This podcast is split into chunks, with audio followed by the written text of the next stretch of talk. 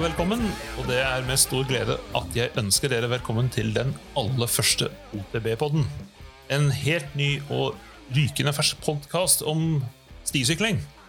Mitt navn er Jameson Pottercarry, og sammen med, med meg i studio er min gode venn, sykkelkompis, mentor, støttekontakt, trener, utstyrsrådgiver og sykkeltalent Vidar Berentsen. Velkommen, Vidar. Takk, takk. Uh, Vidar Bensen Folden heter jeg for så vidt også. Men takk for at jeg får være med på det opplegget ditt. Dette er, uh, gleder meg stort til. Det er Veldig hyggelig å ha deg her. Uh, vi er langt på overtid med denne pod podkasten. Korona, jul, vinterferie, påske og ja, en del andre ting har utsatt igangsetting utallige mange ganger. Men endelig er vi i gang. Ja, bra. Men, men James, fortell oss først litt hva, hvordan kom du på den ideen, og hva skal podkasten handle om? Nei, eh, Rundt november i fjor så var jeg på jakt etter en norsk eh, podkast om eh, stisykling, og fant rett og slett ingen. Eh, det fins ganske mange gode utenlandske podkaster som jeg har hørt eh, veldig mye om, men eh, jeg har hittil i dag Jeg tror det kanskje det er kommet én siden, men i hvert fall da jeg leite i november i fjor, så fant jeg ingenting som handla om det norske miljøet. Eh, samtidig så følte jeg at eh, det er mange kjente og ikke minst ukjente helter innen sykkelmiljøet i Norge. Eh, F.eks. de som bygger bikepark gjennom vinteren, eh, sykkelmekanikerguruen som står på til seint på natta for at du skal kunne rekke drømmeturen din eh, dagen etter, eller eh, han usponsete fyren, lokale helten som tviholder på alle kommende i lokalområdet, f.eks. Eh. Følte at de måtte frem. Ja. ja, det er vi vel alle enige om. Men vi skal vel ha inn noen kjente også, ikke bare disse ukjente heltene? Ja, ja, for all del. Eh, det skal være en balanse. Eh, vi er opptatt av eh, miljø. Vi kommer til å svinge innom eh, en del forskjellige eh, temaer innimellom. men jeg kan si at Fokus på trening, intervaller, syre, O2-opptak og slike ting er ikke hovedtema her. Eh, Vidar. Nei, det, vi skal vel først og fremst snakke om det vi har lyst til å holde på med, da, som er, som stisykling, enduro, litt downhill og litt eh, lavterskel- og høyterskelhøkking, kanskje? ja, det skal handle om det som er morsomt, det ja, som er moro. Sant? Det som er moro. Uh, og så hender det jo at vi toucher innom trening, da, for vi må jo holde oss i form. Men eh, det er jo ikke det som er temaet. Ja, det, vi kommer nok til å være litt innom uh, slike ting. Men uh, i grunnen så er, handler det om å ha det morsomt og få frem de kjente og de mindre kjente, kule folk som, trenger, som fortjener litt heder og ære, og, og få fortelle oss litt om deres jeg si, hobby, liv eller uh, entusiasme for uh, sykkelmiljø, terrengsykling, ja. Og, ja, og nå er jo snøen gått i de nærmeste strøkene. Ja, endelig. Eh, endelig er stisykkelsesongen eh, er i gang. Eh, men hvordan, hvordan, har starten på sesongen vært for deg, Vidar? Ja, nei, Det er akkurat kommet i gang, og det, nå er det jo nå har det blitt bra. I fjor så syklet jeg på en uh, Santa Cruz Nomad som jeg satte opp med 29-tommers forhjul og 27,5 bak, altså såkalt møllet. Uh, som jeg egentlig syns jeg fikk til å funke ganske bra. Men så ble det en sprekk i noe setestag, og så fikk jeg en såkalt crash replacement. Eh, så jeg har en ny ramme i år. Bygd meg en sykkel ut av den Megatower-ramma jeg fikk eh, for en grei pris da fra Santa Cruz. Ehm, og da er jeg for første gang over på full 29 foran og bak. Og ja, det er litt ny og spennende verden. Den er Den, eh, den er jo også som veldig mange nybygde sykler, helt stille og alt henger sammen. og det er jo det er litt Ja, for Det hadde blitt litt uh, skranglete, uh, nomaden din? Ja, altså, ting starter jo fint, og så blir det mer og mer skranglete etter hvert. Eh, sånn er det. Men hvordan er altså, Hva skal jeg si Du, du, har, du begynte på 27,5 da du begynte stisykling med ja. første fulldemper, og så er det mullet, men nå har det gått full 29. Hvordan er det? Ja, nei, altså, faktisk Sånn som den megatoweren er laget, så er det ikke så mange ulemper. Jeg, det, det eneste jeg kjenner, er jo kanskje at eh, jeg har hatt et par harde landinger hvor jeg har fått bakhjulet bøsser opp i rumpa. For det er jo litt høyere. Slipp å bruke dasspapir. ja, og så er det jo et par steder hvor det er, hvor det er superbratt, og så jeg må over en eller annen greie i tillegg. Jeg pleier liksom å dempe sykkelen veldig og trekke den inn til meg, men da også tjener treffer meg i rumpa. Men ellers så er det nesten bare merket fordeler. Det er både mer stabil og, og omtrent like agil. Altså, det er ikke, veldig, ikke veldig mange ulemper, egentlig, sånn jeg kan se det. Jeg måtte kjøre litt, eh, litt eh, mindre, mindre dekk. på en måte. Jeg hadde litt mer volum i dekka på 27,5, følte jeg. Men jeg, jeg fulgte på Strava, og det virkes på Det er noen bokstaver som dukker opp der innimellom som virker som om det var riktig valg. Da. Ja, nei, altså, jeg syns jo den går fort. Den gjør det. det, er, det har ikke vært noe den som har holdt meg tilbake, i hvert fall. Det skal jeg helt sikkert sies. Jeg syns kanskje til og med Megatoweren er, kjenner at den er litt mer race-orientert enn Nomaden var, som kanskje var mer freeride-orientert, kanskje. Så det går veldig fort. Jeg syns det kommer ganske lett de gode Strava-tidene, kan du si. Ja, men det er kjempegøy. Jeg ja, ser, ser det når vi er ute og sykler, at du sykler dritfort på den. Så ja, det er moro. det. jeg trengte ikke at du ble enda raskere. Men, eh, Det er den veien verden vil gå. vel? ja, ja, ja. Yes, og du da, James? Hvordan har sesongstarten vært? ja, det har vært en eh, ganske eh, brå, heftig sesongstart. Eh, Huck-sesongen har åpnet rekord tidlig i år. Sesongen for høkking startet med en gang i år. Det pleier Ja. ofte å liksom gå litt oppvarmingstid, men Ja, nei, men jeg må si at det er veldig mye takk til eh, Aren Huck-foreningen, eh, Drammen Bike Park. eh, ja, de har dratt i gang en god trend. ja, Lavterskelhucking, det, det er jo det gøyeste man kan drive med nå om dagen. det er absolutt det, for det er, da er alt er fet, alt er innafor. Eh, det, er, eh, det er greit å være 40 pluss og, og velge kanskje de tingene som er litt mindre heftige enn en andre. Det er jo liksom Det er jo den nye normalen, føler jeg.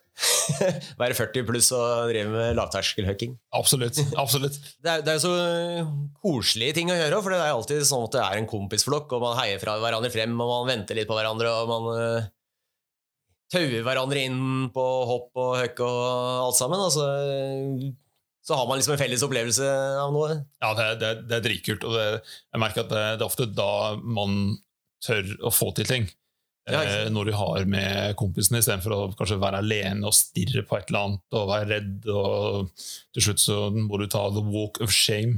Ja, ja men også, så er det andre ting. Vi, vi liker jo å kjøre litt fort og sånn, men eh, når du racer, og så møtes de i bunnen, da er det ingen som ser på hverandre, på en måte. Sånn, men hvis du eh, er liksom, finner et lite dropp vi skal droppe, eller et eller annet sted vi skal rulle inn, eller en steinrøys vi må ned, så, så ser vi på hverandre, heier på hverandre. Jeg, liker den litt, eh, det, det aspektet av det. Ja, det, det er rått. Det, er, det hjelper veldig. Nei, og så må jeg si at jeg fikk med en ny sykkel i fjor, en uh, rå Modane V2. Uh, og så bytte jeg gaffelen på den mot slutten av sesongen. For jeg, da jeg kjøpte sykkelen så jeg kjøpte, jeg kjøpte en ny gaffel til den sykkelen i tidlig i sesongen i fjor, og selvsagt så kjøpte jeg en ny gaffel ca. fem dager før eh, Fox lanserte nye 36 og 38, ikke minst. Så jeg sykla med 36 hele sesongen i fjor, og så fikk jeg tak i en brukt eh, 38 mot slutten. Eh, satt den på, eh, men så kom snøen, og så ble det lite sykling ute. Og så syntes jeg at gaffelen var stiv hele vinteren, men tenkte ja, kanskje det er noe med kullet et eller annet, og gadd ikke gjøre noe med det. Eh, men eh, tidlig i sesong, altså etter noen få turer, eh, så syns jeg den var bare pinnestiv. Eh, omtrent like plush som en eh, ved, fuktig vedkubbe. Ja, det var jo liksom litt motsatt av det alle tester og reviews viste. Ja, eh, det stemte ikke, så da Jeg var veldig misfornøyd med gaffelen, Uh, og tok den til Rufus uh, Top Tubes. Eh, og han åpnet opp gaffelen, og så tømte ut en slags melkevæske, eller annet. Altså, det, det, det skulle ikke vært der. Det er ikke sånn det pleier å si ut. Det Nei, se ut. jeg, jeg, jeg vil ikke spekulere i hva som har skjedd eller kan ha skjedd, eller han visste heller ikke, men uansett, jeg fikk en, det som opplevdes som en helt ny gaffel. Mm. Og eh, nå føler jeg at sykkelen sitter altså den, nå, nå er den bra. Nå følger den nå den grep. Ja, nå føler jeg jeg grep, og nå tør jeg å tro at kanskje jeg kan innimellom holde ryggen din litt nedover innimellom. Ja, det gikk jo bra for en liten stund siden. Ja, ja. Nei, så det, det, jeg gleder meg masse til, til, til eh, videre i sesongen. Ja, det blir deilig. Men nok om oss. Eh, Vi må få inn vår første gjest. Han er jo en legende i terrengsykkelmiljøet og har vært det gjennom veldig mange år, egentlig. Og ansvarlig for at mange, mange nordmenn har skjønt hva som skal til for å kunne sykle sti og lære teknikk. Absolutt. Og både jeg og Vidar har eh, hatt eh, gleden og nytten av å vært på kurs med han, og ikke minst bli kjent med, med han. Eh, Så da sier vi velkommen, Aslak Mørstad. Takk for det. Kult å se deg. I like måte. Jeg skal si at vi kjenner, Både jeg og Vidar eh, kjenner Aslak fra før. Vi har vært eh, kursdeltakere. eh, og Tror jeg har vært faktisk på to endurokurs. ja, Det var, var noen grunn til at jeg ikke fikk vært med på alle episodene i første kurset, og så meldte jeg meg på året etterpå. Jeg hadde det så jævlig gøy.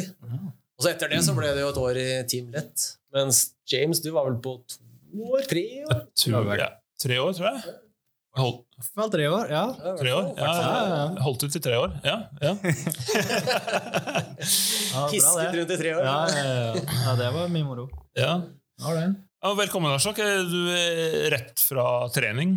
Rett fra skauen, vet du. Ja, ja, ja. Det var litt spennende i dag, fordi deltakerne på treninga, de, når vi pakka oss ut, så styrte jo himmelen, kom jo himmelen i taket på oss, da. Det regna bra, men uh, kom oss inn i skauen, så var det helt tørt og fint. Det var Ja, så bra. Jeg tror, det Nydelig som regn, alltid. jeg tror det regnet var over Østmarka. Det er faktisk Ja da. Nei, men det var eh, Jeg vet ikke hva som skjedde, men det var ikke i skogen, i hvert fall. Så det var bra, det. Nei da, så jeg hatt et par timer i skauen med glade folk som har eh, jo, I dag var en meget bra dag. Det var jo ganske kult. Det var eh, to av gutta, i hvert fall en av dem, som har vært med i tre år. Altså liksom vært innom et par Vi kruksa litt i dag, og innom disse kruksene x antall ganger. Og i dag satt alle sammen for første gang. Så det, Det er gøy.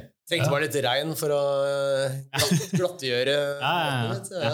Det er det som skal til også. Ja, ja, det, Ja, det er bra. Nei, så det var kult. Ja, for jeg merker at eh, altså, vi er, eh, må si at vi er oppe i femte etasje, men eh, i klassisk uh, Aslak-stil, så du nekter å ta heisen opp.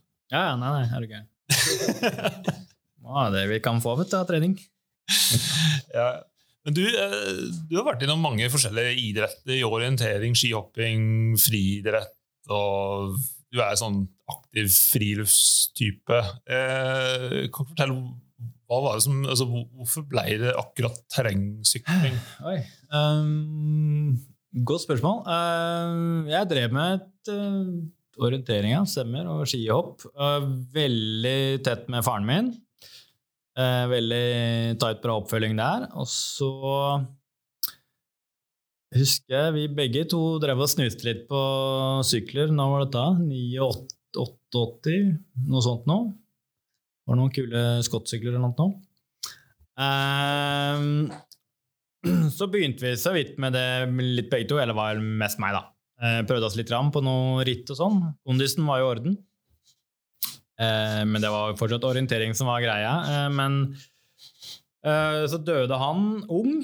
Jeg var vel 15 år.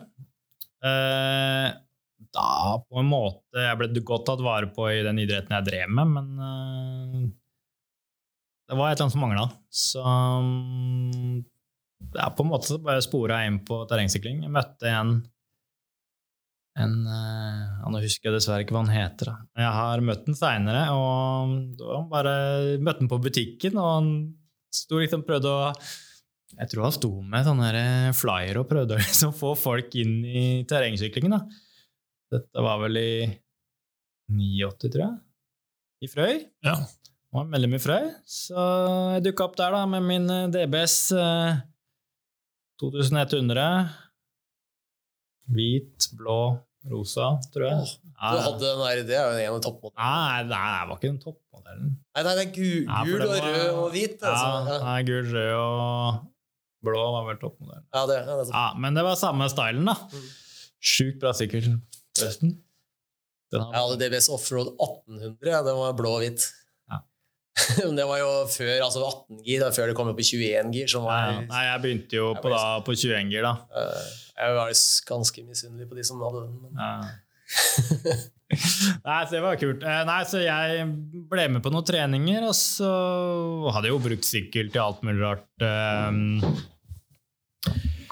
Eh, når jeg var liten og sånn, så jeg hadde jo, det var ikke første gang jeg crossa i skauen, liksom. Jeg hadde jo brukt damesykkelen og bygd hopp og Ja da. Hopp med damesykler er ganske bra. egentlig. Ja, det kjempebra. Bra lav standover. Ja, ja, det var helt konge. Mye bedre enn å stå inne i ramma. Som Ja. de andre måtte. Ikke sant? Det var- En Voksen herresykkel. Ja, ja. Og de gamle stålsyklene, eh, og spesielt damesyklene, hadde jo veldig bra demping. Det var så mye Ja. flex i eh, materialet. Så Det var, er lagd av demping, Ja. egentlig. Men har du prøvd det i det siste? De siste åra? Ta fram en sånn god gammel en? Nei, jeg Det er Ganske gøy. Jeg var liksom litt redd de skulle knekke, men egentlig det er jo bare fleksibelt. Ja, det knekker til slutt, da, men Ja. eh, det er ganske morsomt. Ja. Jeg husker Sikkert det. noen på Finn. Nei, altså eh, Nei, altså bare baller det på seg. Altså var jeg vel med noen ritt. Uh, det gikk jo ganske bra. Kondusen var i orden, så når jeg ikke fiksa terrenget, så løp jeg istedenfor. Så det var jo greit. Merker du, merker du tidlig at du hadde litt talent for det? Uh, ja, jeg gjorde jo Jeg gjorde nok det. Og kanskje én ting som uh, Som jeg har tenkt på sånn i etterkant òg, at jeg er ekstremt god på å lese linjer. Det er veldig ekstremt naturlig for meg om jeg jeg løper i skogen eller uh, står på ski. Eh, Ja. eller hva som helst, men det er, liksom, ja, det er veldig naturlig, så jeg skjønner liksom ikke helt når jeg trener folk at liksom ikke går. Ser du ikke det der på med en gang, liksom? Så nei, det er litt fascinerende. Så jeg tror jeg, tror jeg har det litt derfra, da. Det, med, altså det er jo, gjelder jo linjevalg, da, det å bare bruke blikket til å søke hvor man skal. Men eh, eh, teknikken måtte man jo bare lære, og det var jo På den tida så var det jo bare å prøve seg å surre rundt i skogen. Um, uh, det som er fryktelig gøy, som jeg har tenkt på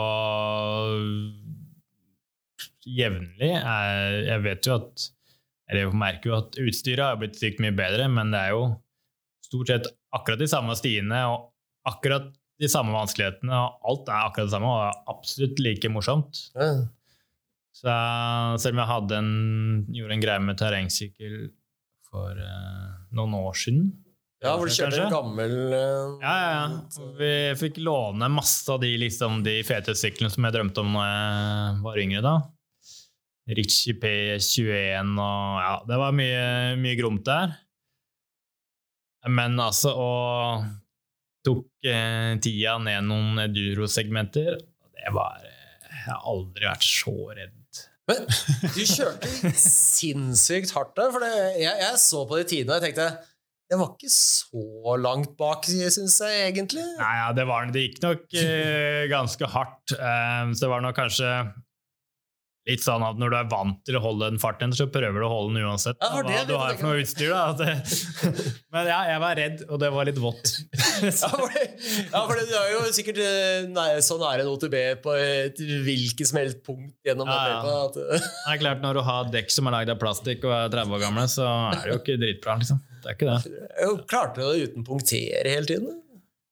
Jeg tror. Eh, altså på den testen? Ja, testen Var ikke det Vervenbukta? Det er jo Ja, ja. punkteringsstedet også. Ja, jo, jo da, faktisk. Klarte det. altså. Jeg tror kanskje pumpa litt. Ja, jo, det gjorde jo selvfølgelig. Satt jo opptrykket til det vi pleide å gjøre før. Ja, ja, ja. Jeg husker jo når jeg starta, så snakka vi 60 PSI. Ikke sant? Og én i dekk. Og stiv eh, helstift. Mm. Ja. Men syns du at eh, de gamle syklene som når du sammenligner med dagens eh, Som du sier, eh, jeg kan ikke skjønne at du klarte å sykle på det nesten, sånn som du gjorde, men, men eh, har det, gitt deg grunnleggende teknikk eh, som egentlig har gitt deg en fordel i, i etterkant? ja, jeg mener det. Jeg er jo veldig fan av å, eh, å begynne å kjøre med hardtailer. Altså om du kjører med en vanlig Birken hardtail, eller helst en sti-hardtail, da. Mm. Har jo de eh, så sjukt grove at eh, nå har jeg bygd meg en, eh, en møllet, og styrevinkelen er 61. 61! Nei. Altså, det er ikke noen downhill-sykkel engang som var så Nei, nei. Den er helt sjuk. Jeg brukte den senest i stad. Eh, og den Ja, den er faktisk sykt bra oppover òg. Den eh, Ja. funker overalt. Ja, altså, Kruksa masse og kjørt mye bratt og moro med den. Ja, for det, det var en av de spørsmålene jeg noterte meg. egentlig. Er du egentlig like rask på en grov eh, hardtail som du er på en grov stisykkel? Det er ikke så sykt mye som skiller, egentlig. Det er- ikke det. Eh, Det som er greia med hardtail, er at du må være så ekstremt på. Da. Du kan liksom ikke bomme noe. ja. Så Så du blir sliten tidligere, egentlig? bare? ja, jeg tenker de dagene hvor du liksom er gira og virkelig nå skal du kjøre, så syns jeg kanskje kuleste er å kjøre en hardtail. De dagene man er litt, litt sliten og sånn, så, så velger jeg ofte ikke hardtailen fordi jeg da ikke orker å være så på. Mm. Og da blir det mer sånn at uh, du treffer alt litt eh, Du bommer med en eh, hundredel, og så treffer du litt feil, og så hver gang du bunny oppover en rot, og så bommer du med to centimeter, og så treffer du litt hardt istedenfor. For det er jo liksom liksom. Det som er kult med hardtailen, er å liksom lære du, blir, du merker ekstremt fort når du treffer, og når du ikke treffer. Når du treffer, er det bare wow. Det bare føles dødsbra. Og så når du bommer, så er det ja, ja, oi. så, Det er ikke sant, det. ja. så, nei, ja, For å tilbake til det, så Nå er det selvfølgelig en helt annen story i forhold til geometri og sånn, da. Men ja, jeg tror jeg har hatt mye igjen for det. Så jeg, jeg ser jo ja, Jeg har jo mange av de på teamet mitt som eh, nå har også kjøpt seg sånne stålhardtailer som jeg har, da. Og, og de syns, for det første syns de det er jo ekstremt kult, og så merker de at teknikken deres blir mye bedre, og de klarer å overføre det til fulltempoen etterpå. Så det liksom bare progressivt eh, blir bedre da, på alt. Mm. Eh, spesielt på grunnposisjon og det å virkelig å jobbe med sykkelen, ikke bare stå og mate igjennom, men eh, virkelig pumpe og bunny opp. Og, og du må jobbe, rett og slett. da. jeg syns du eh, synes det du mange eh, du ser er egentlig fullstendig overbiked? Ja. Eh, Ja. Er, er det sånn en norsk sykdom, på en måte, innenfor Jeg, terrengsykling? jeg vet ikke om det er en norsk sykdom, jeg tror ikke den er eh, Men eh, vi ser den i hvert fall i Norge, ja. Jeg har ikke sjekka så nøye rundt omkring, men, men det er klart Jeg tenker litt sånn når du ser en, eh, en release-video på en eller annen ny fet sykkel med 29, 170 et eller annet og på videoen så ligger de aldri under 50 km i timen. Mm. Ja, det gjør ikke.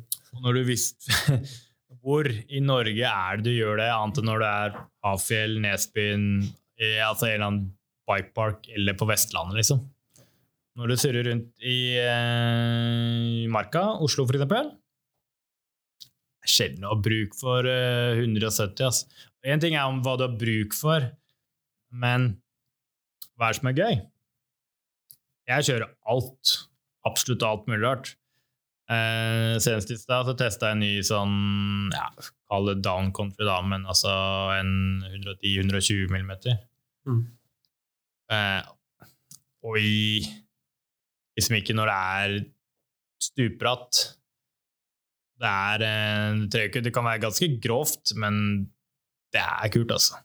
Altså, Down country er jo egentlig ganske smarte sånn markasykler, fordi de har jo ofte geometrien til endurosykkelen fra 2017, Ja. og så har de vandringen som gir deg litt mer feedback. Jeg syns det er mye morsommere. Altså, eller jeg skal ikke Alt er gøy, men uh, nå er jeg såpass uh, heldig at jeg uh, i hvert fall prioriterer da, Hanok-sykler. så så ja, jeg liker å skifte litt på litt, da. Men, men jeg, jeg tenker jo at hvis du har én sykkel, og med mindre du skal kjøre EVS, da Eller du bare liker å være i Drammen og høkke og gjøre de store tingene, og du helst bærer sykkelen opp til toppen, så trenger ikke gå ned på en down countryback, men altså kanskje 130-140 opp til 150 gir deg veldig mye mer moro bortover og oppover i tillegg. Og så er det liksom ok, ja, kanskje sykler Kanskje.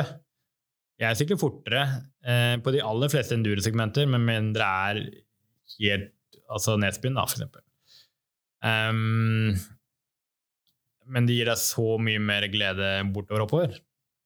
Bortover oppover. Ja. Mm. Men jeg tenker at altså, eh, spesielt eh, eh, altså Enduro har jo gjort at syklene har utviklet seg enormt. Mm. Eh, og slik jeg ser det, så har det egentlig åpnet opp for mange flere. fordi disse grove syklene eh, det gjør at eh, det er en del ting og en del stier og steder man kan sykle som har blitt mindre skummelt. Altså, jeg Mm. har en type downcountry eh, fulldemper. Mm. Um, og jeg kan sykle så å si Jeg har syklet så å si alt jeg sykler på, eh, eh, på endurosykkelen min på den. Mm. Eh, som du sier, kanskje unntatt de bratteste i Grefsenkollen og Nesbyen, og sånn, men, men hvis jeg vil, så kan jeg sykle av på det. Men likevel, så jeg føler meg så, så, så mye tryggere på, det- på endurosykkelen i Mm. mange tilfeller. Ja. Selv om den teknisk sett kanskje ikke er den beste våpen på akkurat den stien, eller et eller annet, men eh, kan du skjønne liksom at eh, folk kjøper grovere sykler rett og slett for å føle seg tryggere? da? Eller er det en falsk trygghet? Eh, nei, altså jeg skjønner jo det. Altså det er det samme ski og alt mulig rart. Um, eh, jeg tenker jo Det er jo flere måter, da. Sånn som du gjør, da. Du har en skikkelig grov en, og så har du en, en eh, lett, kvikk eh, sak. Og du kombinerer de, så blir du en bedre syklist. Og så er det, har det noe med lommeboka å gjøre. Og så velger man selvfølgelig hvor man, hva man syns er aller morsomst, da. Men sånn, ja, hvis det, penger var ubegrensa, så ville jeg hatt flere fordi de forskjellige syklene kan eh, rett og slett gjøre deg til en bedre syklist. Da. Og spesielt det med om det er en hardt eller en kortvandra sykkel, så, så blir du bedre til å jobbe med terrenget. Fordi med en veldig grov sykkel, så Ikke det at du ikke kan det, for um, med en grov sykkel liksom, Jo bedre du kjører den, altså bruker terrenget, og jobber med den, jo fortere går den. Men det er lettere kanskje å lære seg å skjønne det på en mer kortvandret sykkel. For der må du gjøre det. Det er ikke så tungt å gjøre det. Og det er greia. Men, men uh, klart når folk skal ha én sykkel, og det, det, det bør jo holde, så, så selvfølgelig eh, gir det jo en trygghet nedover. Spesielt nedover, men jeg ser ofte at det blir litt sånn altså En endurosykkel veier jo 15-16 kilo nå. Og det innby- selv om med moderne geometri så, så tråkker den ekstremt bra oppover. Um, men den er gjerne lagd sånn Du skal dundre ned en fet sti, og så skal du sykle grusveien opp. Mm. Det er ikke så gøy å sykle knotete Oslo-stier på et beist. Mm. Men det funker. Men det krever ekstremt mye styrke. Så det jeg ser, er at mange de bare, de bare går av. Ja. Velger å gå opp. Og da kjenner jeg at de kanskje mister litt glede, da. For du er liksom Er du ute i to timer, da, så får du kjørt ha det gøy i kvarter, istedenfor å bare ha det gøy hele tiden. Men du, Men, ja. Det er morsomt du sier det. for jeg tenkte, altså, Rundbane, downhill, eh, maraton og enduro, det, de har du, du har sykla alle sammen. Mm. Hva er eh, altså Du har syklet på ganske høyt nivå, men hvis du, hvis du skulle blitt ung igjen måtte Så du har blitt ung i, i dag, da, ikke gått tilbake i tid. Ja, ikke Ja. gå tilbake dit. ja. Hva, ja, eller hva ville du ha valgt i dag? Skulle satse på en av de som en karriere, da. Ja, Du, sånn, er, du kjørte jo på EM-nivå i rundbane. en gang. Ja, nei, jeg kjørte jo du, Jeg har kjørt eh, verdenscup i de fleste land. Um, jeg må jo si at eh, konkurranseformen eh, skulder mot skulder, eh, O2 og den tekniske biten, for det er ganske eh, røffe, de rundbaneløpene. Ja, det har blitt røffere med åra. Ja, det var det, og med, det var ganske, i hvert fall internasjonalt, var det rimelig hissige utforkjøringer. Mm. Eh, kombinert med at du hadde kyra langt opp i øra, så alle vet jo hvor vanskelig det er å Ja, er det. kjøre teknisk bra da. Um, jeg liker den veldig godt. Jeg kjenner jo at eh, jeg er fortsatt god form, altså, men jeg kjenner at jeg ikke er der. Men selvfølgelig, ja, ung, ja. Nei, jeg tror jeg fortsatt ville gjort, men jeg ville gjort mye, da. Ja, det. Jeg ville helt klart eh, kombinert eh, rundbane og enduro. Og så syns jeg maraton også er kult i forhold til at det er litt mer, litt mer eventyr. da. Mm. Eh, Kjøre langt og Kjøre blindt, da. Jeg elsker å kjøre blindt, da. Ja. Ja. Og digg å bli sliten nå. Så langt, langt er fint. Ikke hit. Altså, ja, alt er kult, da. Um, jeg kjørte en liten periode utfor òg. Um, det var vel litt sånn en periode hvor jeg, kroppen ikke funka, så jeg måtte bare sykle litt. Det var greit med heis, men eh, det er jo gøy, det. Men jeg liker nok litt mer den eh, at man kjører blindt. Jeg liker å terpe, det er ikke det, men jeg liker mer det å ta ting på sparket. Morsomt, for vi har jo på en måte lært å terpe linjer av deg. Ja, ja. ja, ja. Det er veldig merkelig, det her. Men nei, altså, eh, altså eh, I hvert fall da, eh, da jeg var på kurs med deg, Mm. så vi kalte det veldig fort for Yoda. Yoda. Yoda. eh, guruen som skulle fortelle oss Ja, takk. Mind your path.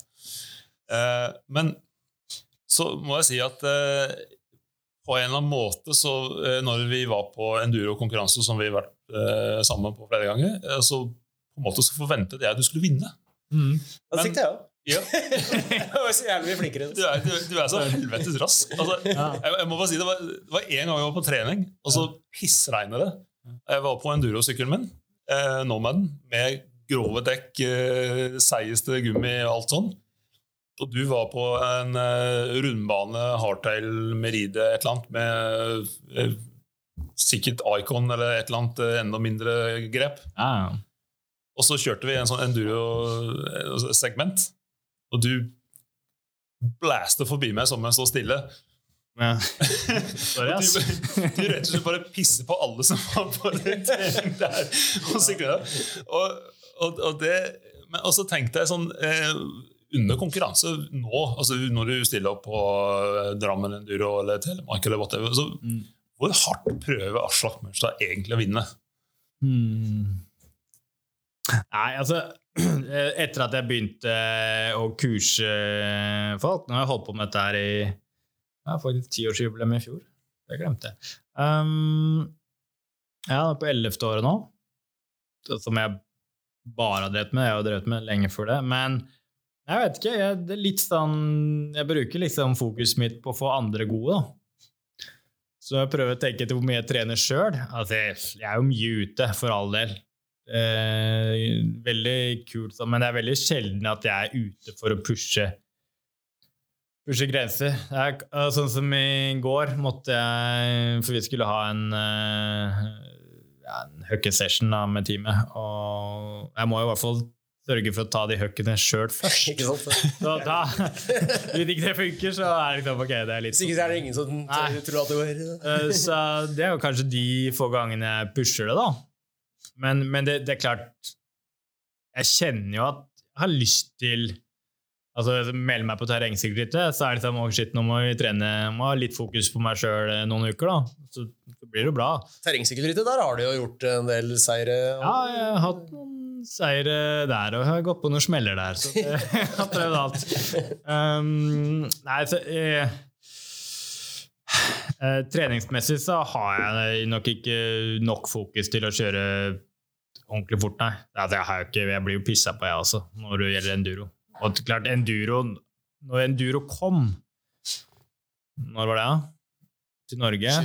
2012, kanskje? 2012. Vi begynte Ja, nei, det starta vel før det, da. Ja, for vi, vi kjørte jo noen år noe som vi kalte fast ride, og litt sånn teknisk eh, Det gikk jo både oppover og nedover. Eh, Der var jeg god. Um, og de første enduro-rittene det kunne jeg egentlig bare stille opp i, og så gikk jo det bra. Men det er klart eh, når, man, når folk har begynt å spesialisere seg og trene mer mot det, og du ser ungdommen kommer opp nå, Mm. Da Nei, da, da må det trenes, rett og slett. Det må det. Både fysisk og uh, teknisk. Kjøre rett og slett mye fort, da.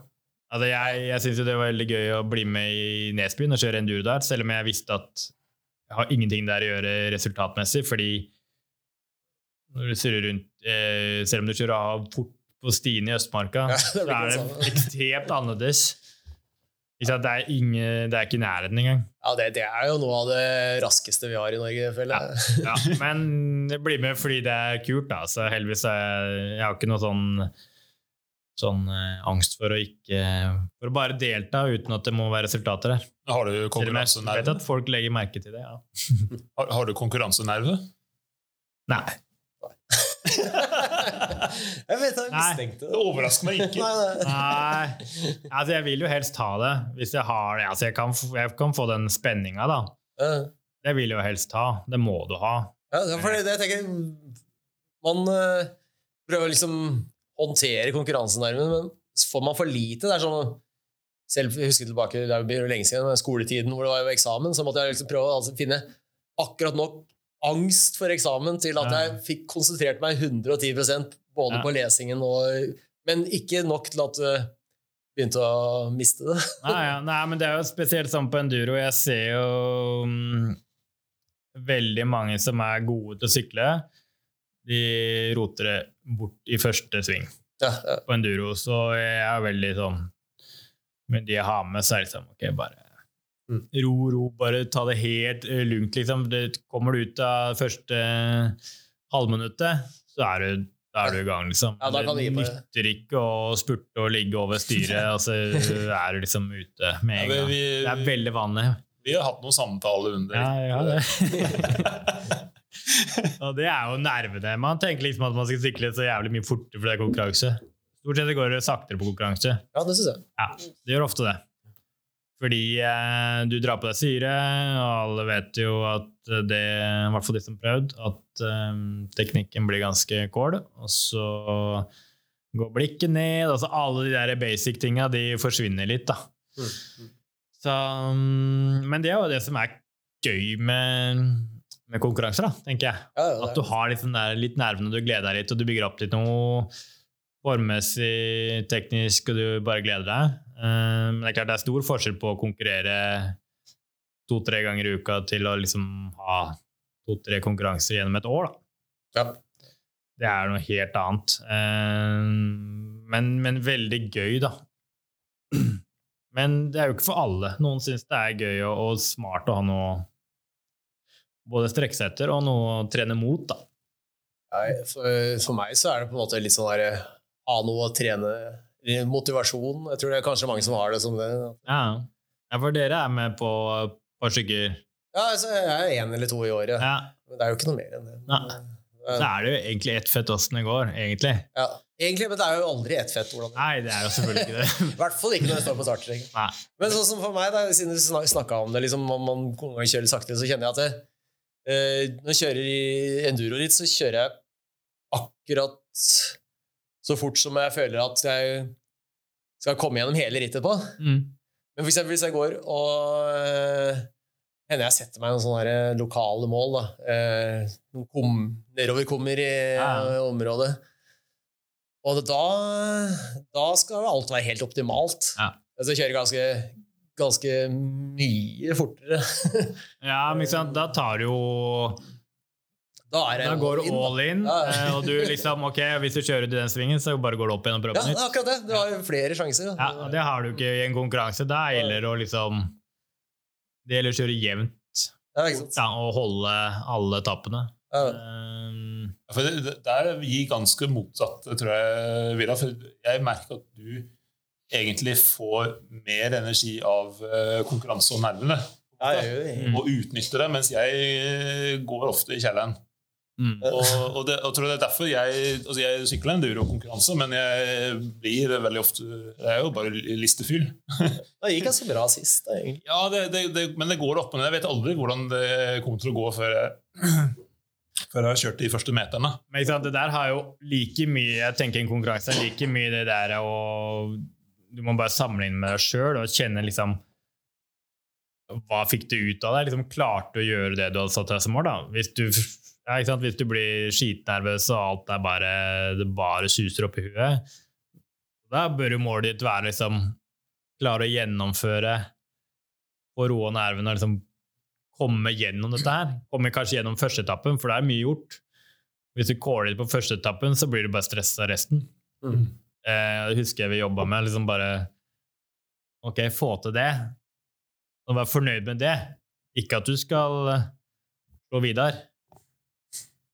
Og hvis du kjører så bra du kan, så blir det så bra du kan bli.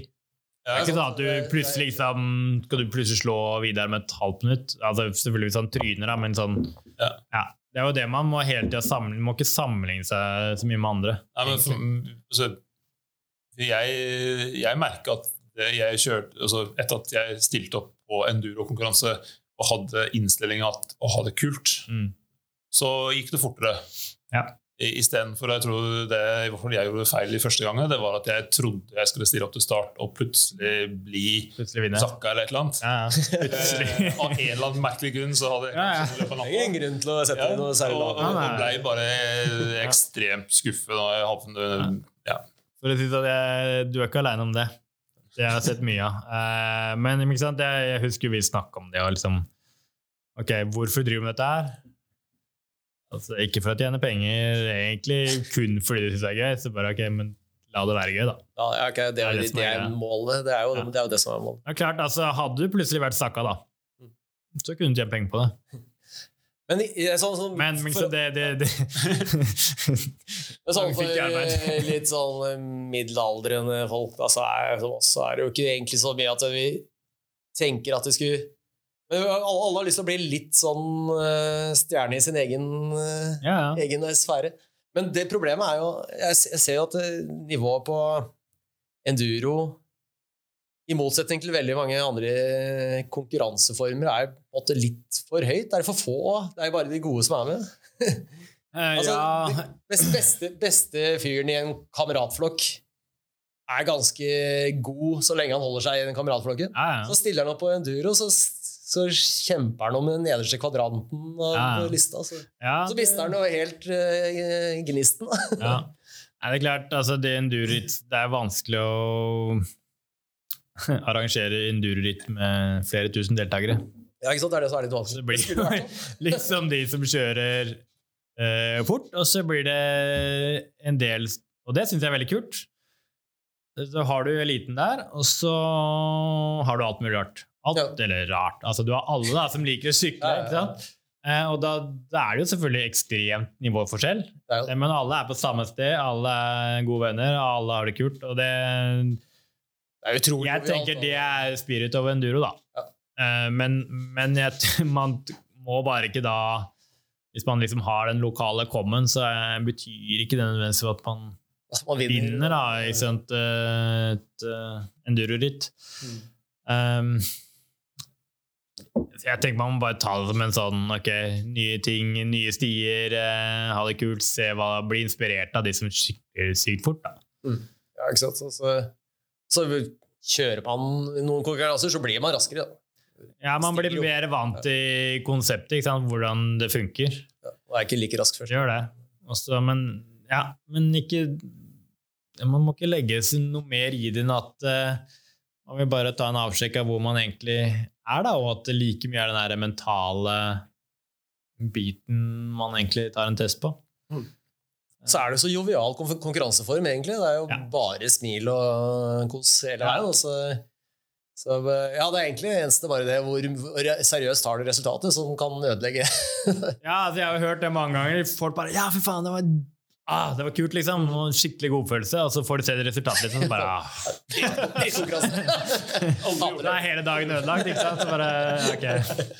Hvilken følelse skal du ta med deg, da? Ja, ikke sant? Det er det det. det handler om. Men det er jo liksom uh, Vi kommer sikkert inn på Strava, men uh, det er jo den uh, Det er jo en konkurranse som du styrer ekstremt godt sjøl, da. Mm, ja, ikke sant? Så, men det gir jo det lille Det gir jo det kicket som gjør at det er kult å øve, kult å trene.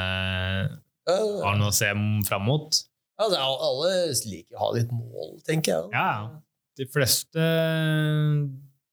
Ja, de som ikke har noe mål, altså Det blir litt sånn Det er sjelden man blir så veldig mye bedre, men altså, målet trenger jo ikke være å sette en kom eller PR, eller noe, men det er liksom På terrengsykling er så mye, da. Ja, ja. Komme opp den bakken, eh, sykle uten henda, er et eller annet hopp du skal klare, eller et uh, høkk, eller lære seg bunny opp, eller hva som helst. Så Det er en million ting, da.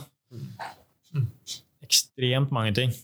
Men eh, du som jeg tenker, på, på kursing, du som lever av å kurse folk eh, Fordi du bestemte deg for å satse helt på det eh, for du hadde en butikk, og så la du den ned i 2015? Ja, altså, jeg starta Jeg jobba jo Sport1 Jeg jobba ja, eh, rett borti gata her.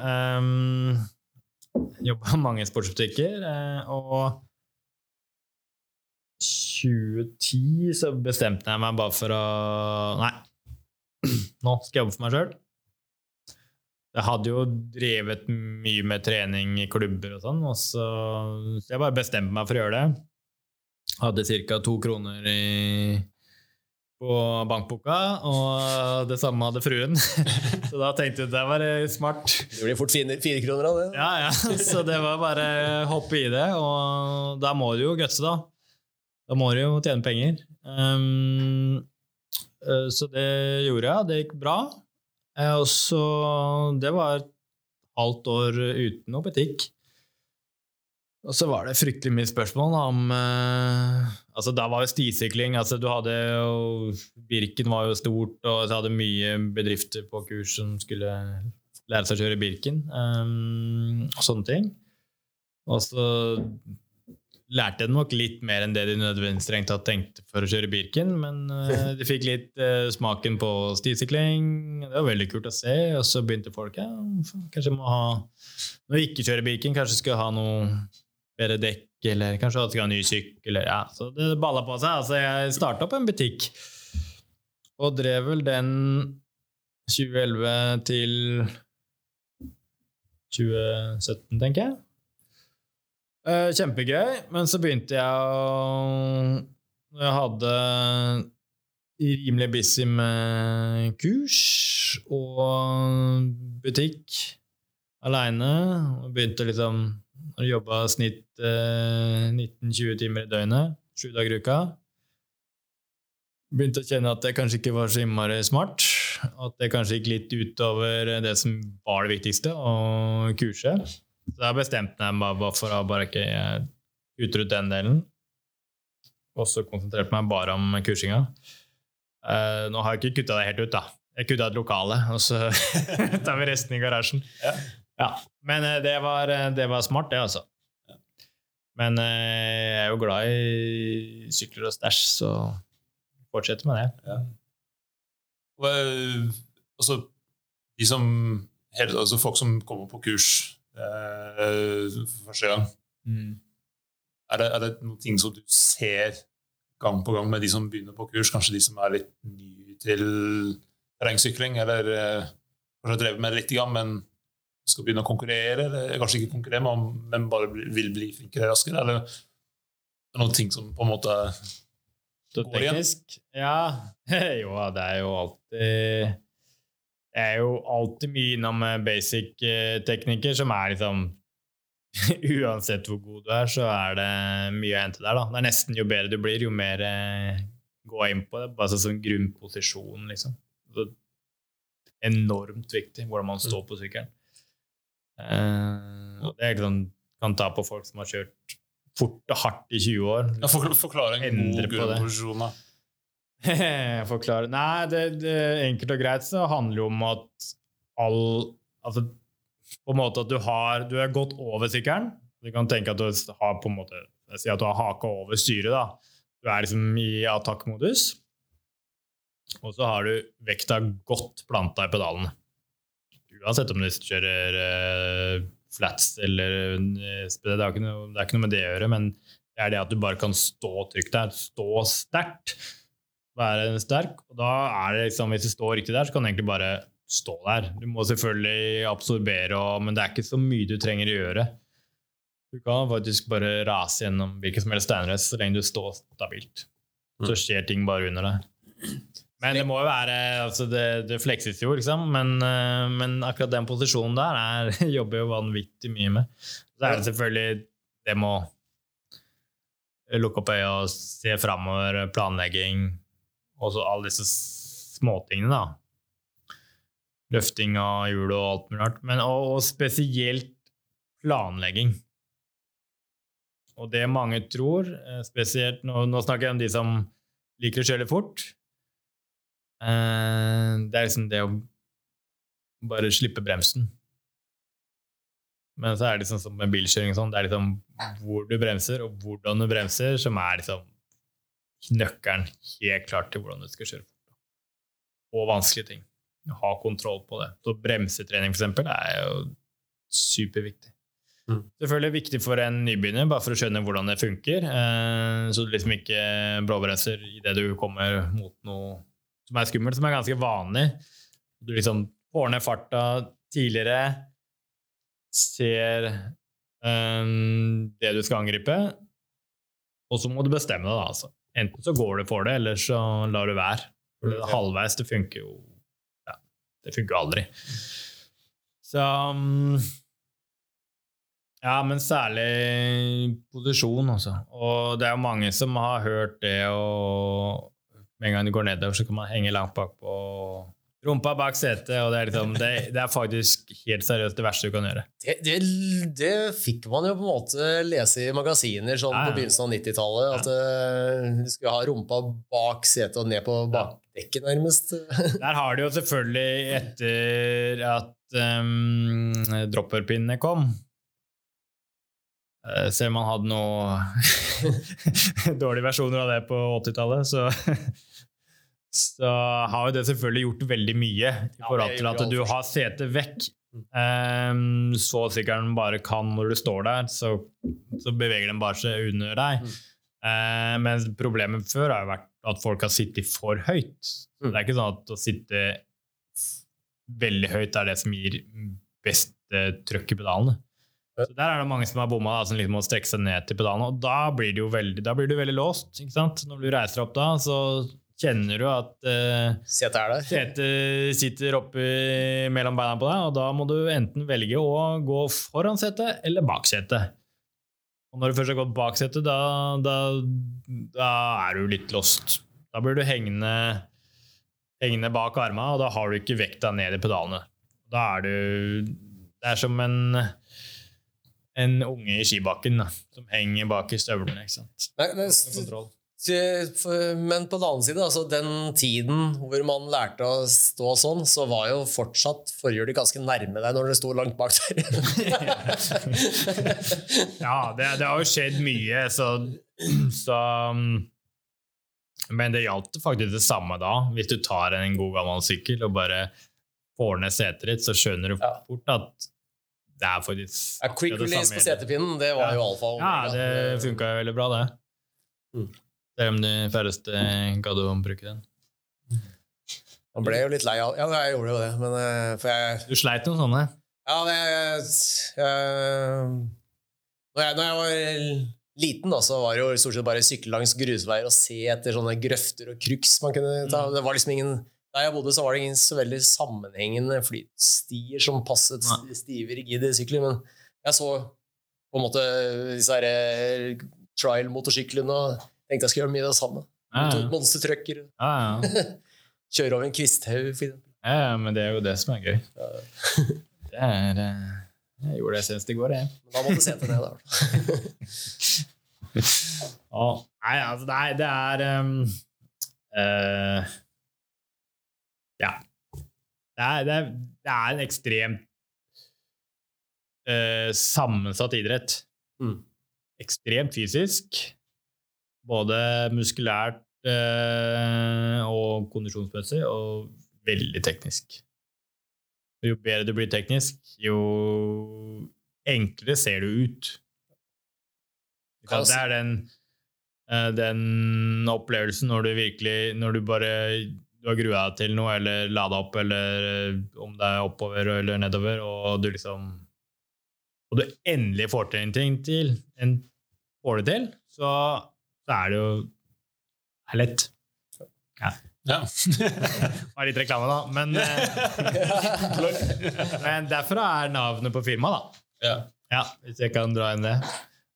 Men, men det er den følelsen at Ja, ok. Hva, hva er neste, liksom? Det, du skjønner ikke hvorfor de all, ikke har klart å gjøre det før. Ja, men den følelsen når du plutselig jobber med terrenget og ikke mot det, Ja, det er jo også at det, der du før ble sliten, så var det jo så var det bare fordi du ikke det var jo fordi du ikke sykla sånn som du skulle gjøre. Ja. ja, ja. Og det, det er jo den, den følelsen som jeg tenker er det morsomste med stisykling, terrengsykling. Mountainbike. ja. Offroad, kanskje? Ja. Men er det Tror du folk er litt eh, Hva skal jeg si litt engstelige for å være på kurs med deg? Tror du at de føler at eh, de må, være, må ha et visst nivå? Ja, det er jo noen som lurer fælt på om de må ha fulldemper og, mm, og de må kunne så og så mye. Så, men hvis, da, det er liksom, hvis, ok, hvis jeg har satt opp en nybegynnerkurs, så er det jo for, for ferske. Så jeg legger jo lista til at man ikke kan noen ting. Så jeg jobber eh, er veldig glad i å bruke skolegårder. Hvis jeg skal til Tromsø eller et eller annet, da. jeg skal ha et basiskurs eller et nybegynnerkurs, gi meg en skolegård, så kan vi leke der. Sånn, trygt, da kan vi bare isolere hver enkelt teknikk og jobbe med det. Og så kan vi dra det ut i skogen etterpå, hvor, man, hvor det blir ekstremt mye mer sammensatt. Da. Der må man kanskje kaste inn fire-fem forskjellige teknikker, i tillegg til balanse og blikk og alt det greiene her. Kanskje på ti meter. Og det er der det stokker seg litt. Så jeg prøver å liksom isolere ting og så man har noe, Det betyr jo ikke at man fikser det med en gang, men da har man noen knagger å jobbe med. Uh, jo, men jeg, jeg har ofte folk som, ja, som skal på kurs og liksom og sier at jeg har bare en hardtail. Så bare, da sier jeg topp. Det er veldig bra. Ta den. Det blir bra. Det lærer du mest av.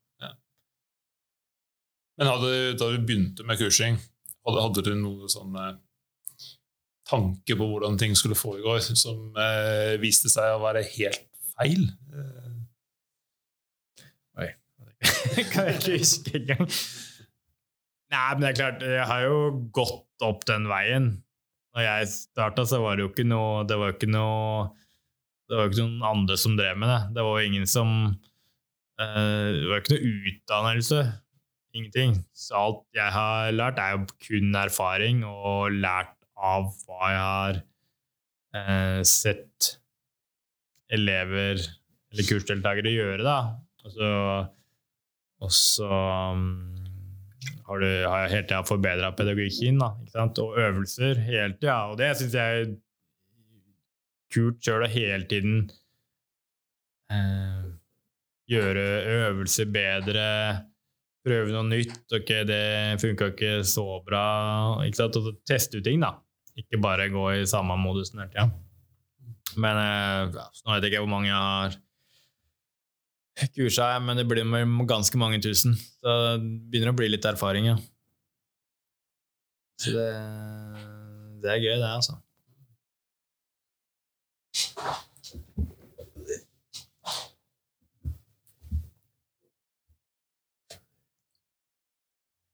Altså, vi har jo masse sykkelklubber. eh, hvordan syns du de eh, Hva er inntrykket ditt av hvordan sykkelklubber eh, håndterer på en måte rekruttering og barn? Og, Oi, eh, veldig bra.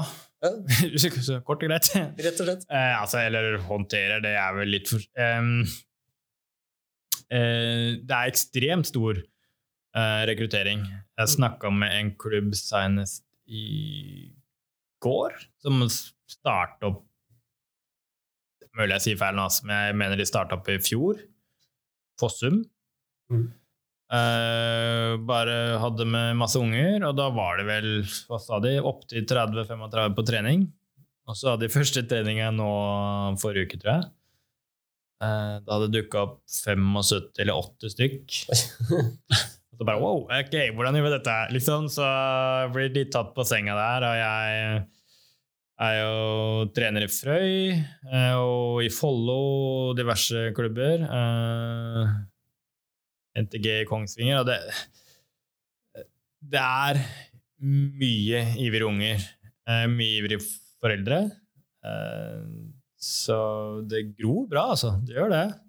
Og jeg er Jeg holder ganske mye kurs for klubber som ønsker å få litt mer Det er ikke noe godkjent sånn trenerutdannelse jeg kommer med, men jeg, som er ganske lang eh, dit i Sikkerhetsforbundet, men at du får lagt et godt grunnlag og får liksom gjort en del med trenerne. da. Du har en del kurs for trenerne for å gjøre liksom, at det blir litt, litt mer innhold. da. Ja. Ikke for at de skal bli verdensmestere, eller noen ting, men fordi Ja, de er jo ofte teknisk flinke allerede, som regel. Ja, ja, men det er liksom å få dem til å holde gode ikke sant? De minste skal jo være mer aktivitetsleder og så ha masse forskjellige morsomme øvelser, trygge øvelser. Det er ikke om å gjøre å En eh, åtteåring syns det er veldig gøy å kjøre opp og ned samme grus gressbakke tusen ganger. Ja, ikke sant? Så Du må liksom ikke pushe dem. Jeg har jo, se, jeg har jo sett em, trenere, foreldre blir litt, litt for ivrige, da. Så de liksom Istedenfor å lære ungene bare å få den mestringsfølelsen at det er greit, og det, bare, det er ikke noe mer spennende enn den, grisbakken, nei, eller den gressbakken, men de skal liksom ha det ned i steinrøtter, så de står liksom to stykker og løfter dem ned istedenfor. Da tenker jeg bare ok, det, Tror du de ungene føler mestring av det? Nei, jeg tror ikke det. De blir, jeg redd sant, for det der greiene. Så ikke gjør det så innmari komplisert. Bare være med ut. Ha med sjokolade. Ja, Ja, ikke sant? Jeg har jo sett eh, deg med ungene dine. Du er jo mye ute og leker med dem. Ja det, er, det, er, det, er, det er moro. Ja, det er moro når, når de har lyst. Da. Det, Ja, men? Det er det det handler om, og så plutselig står det om at ender istedenfor et eller ja, annet. det blir, ja. Det blir jo fort at vi står en eh, 20 minutter og ser på en frosk. altså. Ja, ja. Det er jo kjempegøy. Ja, men det, Det er mulig for jeg liker det sjøl, da. Men kan ikke skrive på det. Altså, eh, yngste jenta mi også begynte litt med terrengsykling. Mm. Altså, eh, se på de enkleste bakker som Jeg kan ikke forstå at det skal være et problem å, å trille ned, men hun syns det er kjempeskummelt. Men ja, ja. så går det en dag eller to, og så, så får det til. Og da er, for henne så er det jo Ja. stort. Men ikke sant, det er, for dem så er det mestring. Ikke sant? Hvis vi som foreldre Det er sånn typisk sånn her ah, 'Nå skal vi gå på ski til eh, den hytta jeg gjorde når jeg var ti år.' Ja. Men, men der, der er det jo sånn at der har vi jo alle vi nordmenn vi har jo alle vært barn og blitt dratt gråtende over fjellet på langrennsski. Det er jo standard. så lærer man å like det etter hvert. Da. Ja nei, ja Så jeg vet ikke om det er samme som strategien egentlig funker på ja, Nei, altså Det er jo ingen som har vondt av det. Mm, Det er ikke det jeg sier, men man må ikke Nei, nei jeg, jeg, foreslo ikke det som en strategi. Altså. Nei, nei, nei. nei men, men ja, altså, jeg har jo hatt med. Jeg har hatt med ungene på liksom, turer som bare liksom Ja, det er, det er sikkert en halvtime, og så bare tre timer seinere så bare? Litt sliten, ja. Men så syns du det er, det er mestring i det òg. At liksom Ok, de, de klarte det, kom seg gjennom, men ikke, kanskje ikke hver gang. Nei, nei, nei, nei. Det Nei. bør være, litt Så det er også kult at liksom, men da sykler vi rundt på den skolegården og altså opp og ned der Svaberget. mm. Masse mestring. ja, ja. Masse grunnteknikk. Kjempebra. Ja, Ikke sant? Teknikk kan man jo gjerne lære litt sånn isolert. eh, Ja, ja. Men bare det å surre ut altså det, det, eh, det Altså Når du er 40 år og, og liksom endelig har satt av en uh, halvannen time til å sykle, så er det jo veldig få som driver og øver på å sykle på bakhjul eller eh, hoppe over en pinne. eller Noen gjør det, men eh, de fleste vil da ta den standardrunden. Så Gjerne sjekke klokka hvor fort det gikk. og sånn. Ikke? Men skal man bli noe bedre, så må man utfordre på litt andre områder. Da. Altså, ja. For eksempel, men da ta med ungene, da. Mm. Om de da vil klatre i lekestativet, så kan du stå og dra på bakhjulet rundt. Eller, Det tjener vi eller alle på. stå og balansere. Liksom? Gjøre noe. Ja, da er alle det gøy. Istedenfor å sitte på mobilen. Og det jeg tenker Ja, de har gjort mye sånn der eh, Sykle, altså kjøpe en is, og så da var innom pumptrucken, og så, så ble det hyggelig. Jeg fikk faktisk gjenoppliva et par gamle BMX-triks i fjor når jeg ble med en av gutta mine på eh, Pokémon-leting. Ja. For da var jeg på sykkelen mens han var ute og fanga Pokémons. så begynte jeg å gjenopplive gamle triks. På. Da måtte jeg jo kjøre på det lille som var på det stedet. da. Ja, Da var jo en liten kant, en liten lite berg. eh, Ja. så- Helt genialt. Nei, Pokémon, ja, det lever fortsatt. Ja. ja da. ja, ja, jeg har skjønt det, men jeg har også vært ute eh, mye sykkelturer de første, første ukene av det der, i hvert fall. Ikke sånn. Men vi har, eh, altså vi har noen gode jenteprofiler innen terrengsykkelmiljøet. Mm. Eh, vi har jo Gunn-Rite Dale, som er kanskje den mest kjente, som har lagt opp nå. Ja. Men det er relativt få jenter, spesielt i forhold til antall gutter. Ja. Eh, hva, hva tenker du om det? Så, altså, du, du, har- jo kurs som er spesifikke for jenter. Men Ja. eh, Det er ikke noe spesielt med de kursene, egentlig. Det er bare at det, for noen De fleste jenter syns det er veldig kult å sykle sammen med gutta, men for noen så er det litt sånn mm, De kvier seg litt i det, så derfor har jeg bare åpna opp for det, da. Men har, har gutter vært for lite, in- lite inkluderende i miljøet? Eller? Nei, det tror jeg ikke. Alle vil ha med jentene på tur. Jeg tror det. Nei, Det, det er ikke noe Med mindre du har noe du skal uh, spesielt skal gjøre, da. Men nei, jeg tror ikke det er det, altså. Men, men, men det er jo Det går nok kanskje for å være en litt røff idrett, da. Og når du ser Hvis du å, Gå og se på denne YouTube-klippet her, altså det Ja. Det er veldig sjelden du ser på YouTube eh, eh, et, et kjærestepar som sykler rolig på en uh, flytsti og stopper og hører på fuglene, liksom. Det er veldig Det er veldig uvanlig, faktisk. Det er veldig uvanlig. Kanskje det er det man skulle gjort. Late edit fra Marslak Børstad. Ja, ja. Så, um, nei, det, det kan nok hende at det er litt sånn Nå skal ikke si at det er bare guttejenter som sykler, for det er det ikke i det hele tatt. Men, men det er nok Man får kanskje litt følelse at det er litt, litt røft, da. Mhm. Det er litt skummelt.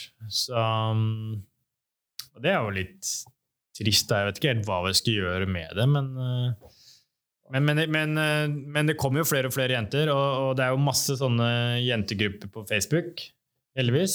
Så altså, En ting jeg vet med jenter og damer, er jo at de ofte vil ha Vi gutta vi drar gjerne ut på egen hånd. Mens jentene er liksom, de drar ikke aleine. Det De vil helst ha eh, noen venninner med seg, eller en gjeng, da. De må liksom komme litt mer i gang, litt mer rundt dem. Så det, Mm. når det er så få å ta av, så kan jo det være en greie, da. Men nå er det jo heldigvis er Herja Enduro Laug har gjort en stor jobb med å liksom bare ha gratis guida turer og helt Selv om de jentene som holder på der, de kjører fort. Ja, de er ikke noe trening. Nei, de, de, de kjører bra. Eh, Men, men det er liksom, de legger den helt lavt, da. Altså, og det er veldig gøy. Ja, ja. Og så veldig gøy med den eh, Instagram-kontoen Jentekjørt. Ja, jentekjørt. Den er. Det er en bra gjeng, og så har du Det er en annen sånn Ja, det er, det er masse, og det kommer masse mer òg. Så Men Merker du eh, en annen mindset fra jentene? Og så måtte de kanskje takle ting eller, også på kurs, eller? Ja, de er litt I starten litt mer forsiktig. De vil liksom skjønne hele greia først. Mens gutta er sånn Ja, det går sikkert fint. Så gutta er litt mer sånn jeg må holde igjen innimellom. Det gjelder ikke alle, men det innimellom så må du bare Stopp, du kan ikke kjøre her. Da, da skader du deg, liksom. Du, du må kunne vise meg det først. Mens jentene er litt mer sånn Ofte pusher de litt mer, da. Men det er jo også generelt sett som det er sånn, men jeg husker jo fra det ene endurokurset jeg var med på, at det var jo en jente med som, Mm. som ø, hovedoppgaven din var stort sett å holde henne fra å ta for store sjanser. Jo, ja, ikke Det var sant. det kurset du var på, det tror jeg. jo, stemmer det. Stemmer det. Uh, ja, Hun hadde jo sei- seila på å styre uten å gå helt over det en del meter. Og så husker jeg Ja, ja, ja. Jo da. Nei, altså, det, det, det er jo Det fins jo forskjellig i begge leirer, for å si det sånn, da. Men, eh, men sånn Hvis man skal prøve å liksom Litt sånn kjennetegn, så er det nok litt mer eh, Ja, sånn, ja. men Men det som er kult, er at jentene holder ofte da litt, litt lavere profil og liksom vil skjønne alt, og så, når de først kommer i gang, da bare er det rakettfart. Ja. Timers, ja. Så de har liksom en helt annen kurve, da. Mm. Det, ja, altså det er bare liksom forskjell. Det, det er kult å det er kult å observere når man har det liksom i bakhodet. Men sant, det er, hver enkelt person på kurs er jo forskjellig. Så du, du lærer veldig fort folk å kjenne, da. Ja, Så det er, eh, ja, det er kjempegøy. Men for all del, altså Jenter i uh, stisykling, det er jo ingen grunn til at ikke de skal være der. Nei, De må jo bare mer. Men det, men det kommer, altså. Det har økt voldsomt. Mm. Det ser jo mer og mer. Jeg var på Grefsenkollen i går og sykla, da var det en gjeng på tre jenter Mm. som var ute og sykla. Jeg tror, tror faktisk det var første gang jeg har sett uh, altså, Jeg har sett uh, et par jeg kjenner som jeg, som jeg har sett opp i området, men jeg har aldri sett en gjeng med jenter Nei. Eh, oppe i Grefsenkollen. Det var utrolig Nei, for sant, det er jo brattere, da. Men det, ja, det begynner å bli ganske mange røffe damer der ute. En del av de er jo ganske Det er jo folk som kjører buldredropp og i Ja, ja. Så det er jo ingen øvre grense, i hvert fall. Nei, nei, nei, nei, nei.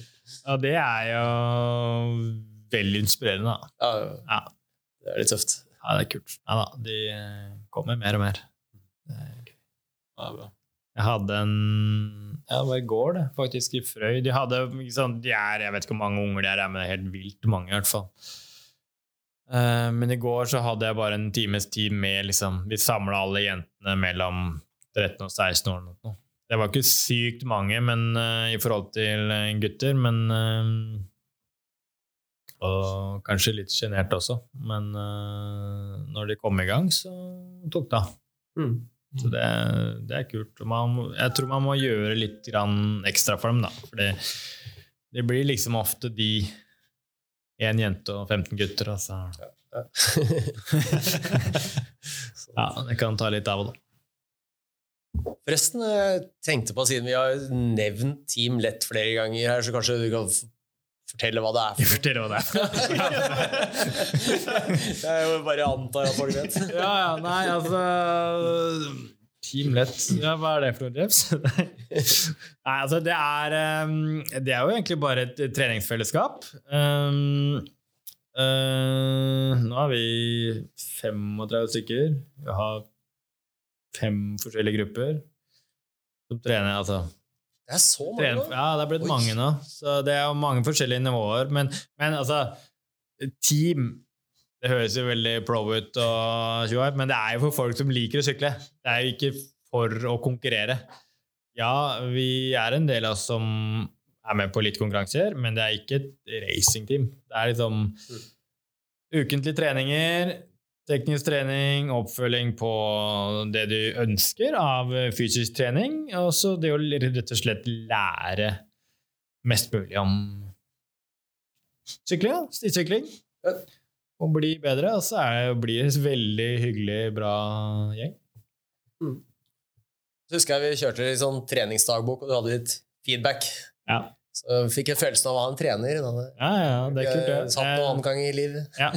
Vi, eh, vi gjør fortsatt det, men det er veldig sånn, veldig sånn eh, individuelt hvem som følger opp og Så hvis du vil ha mye tilbakemeldinger, hvis du vil være skikkelig nerd på treningsbakbok, så er du det. Og hvis det liksom ikke er greia di, så er det liksom ikke noe krav om det i det hele tatt. Uh, det var kanskje når det var med.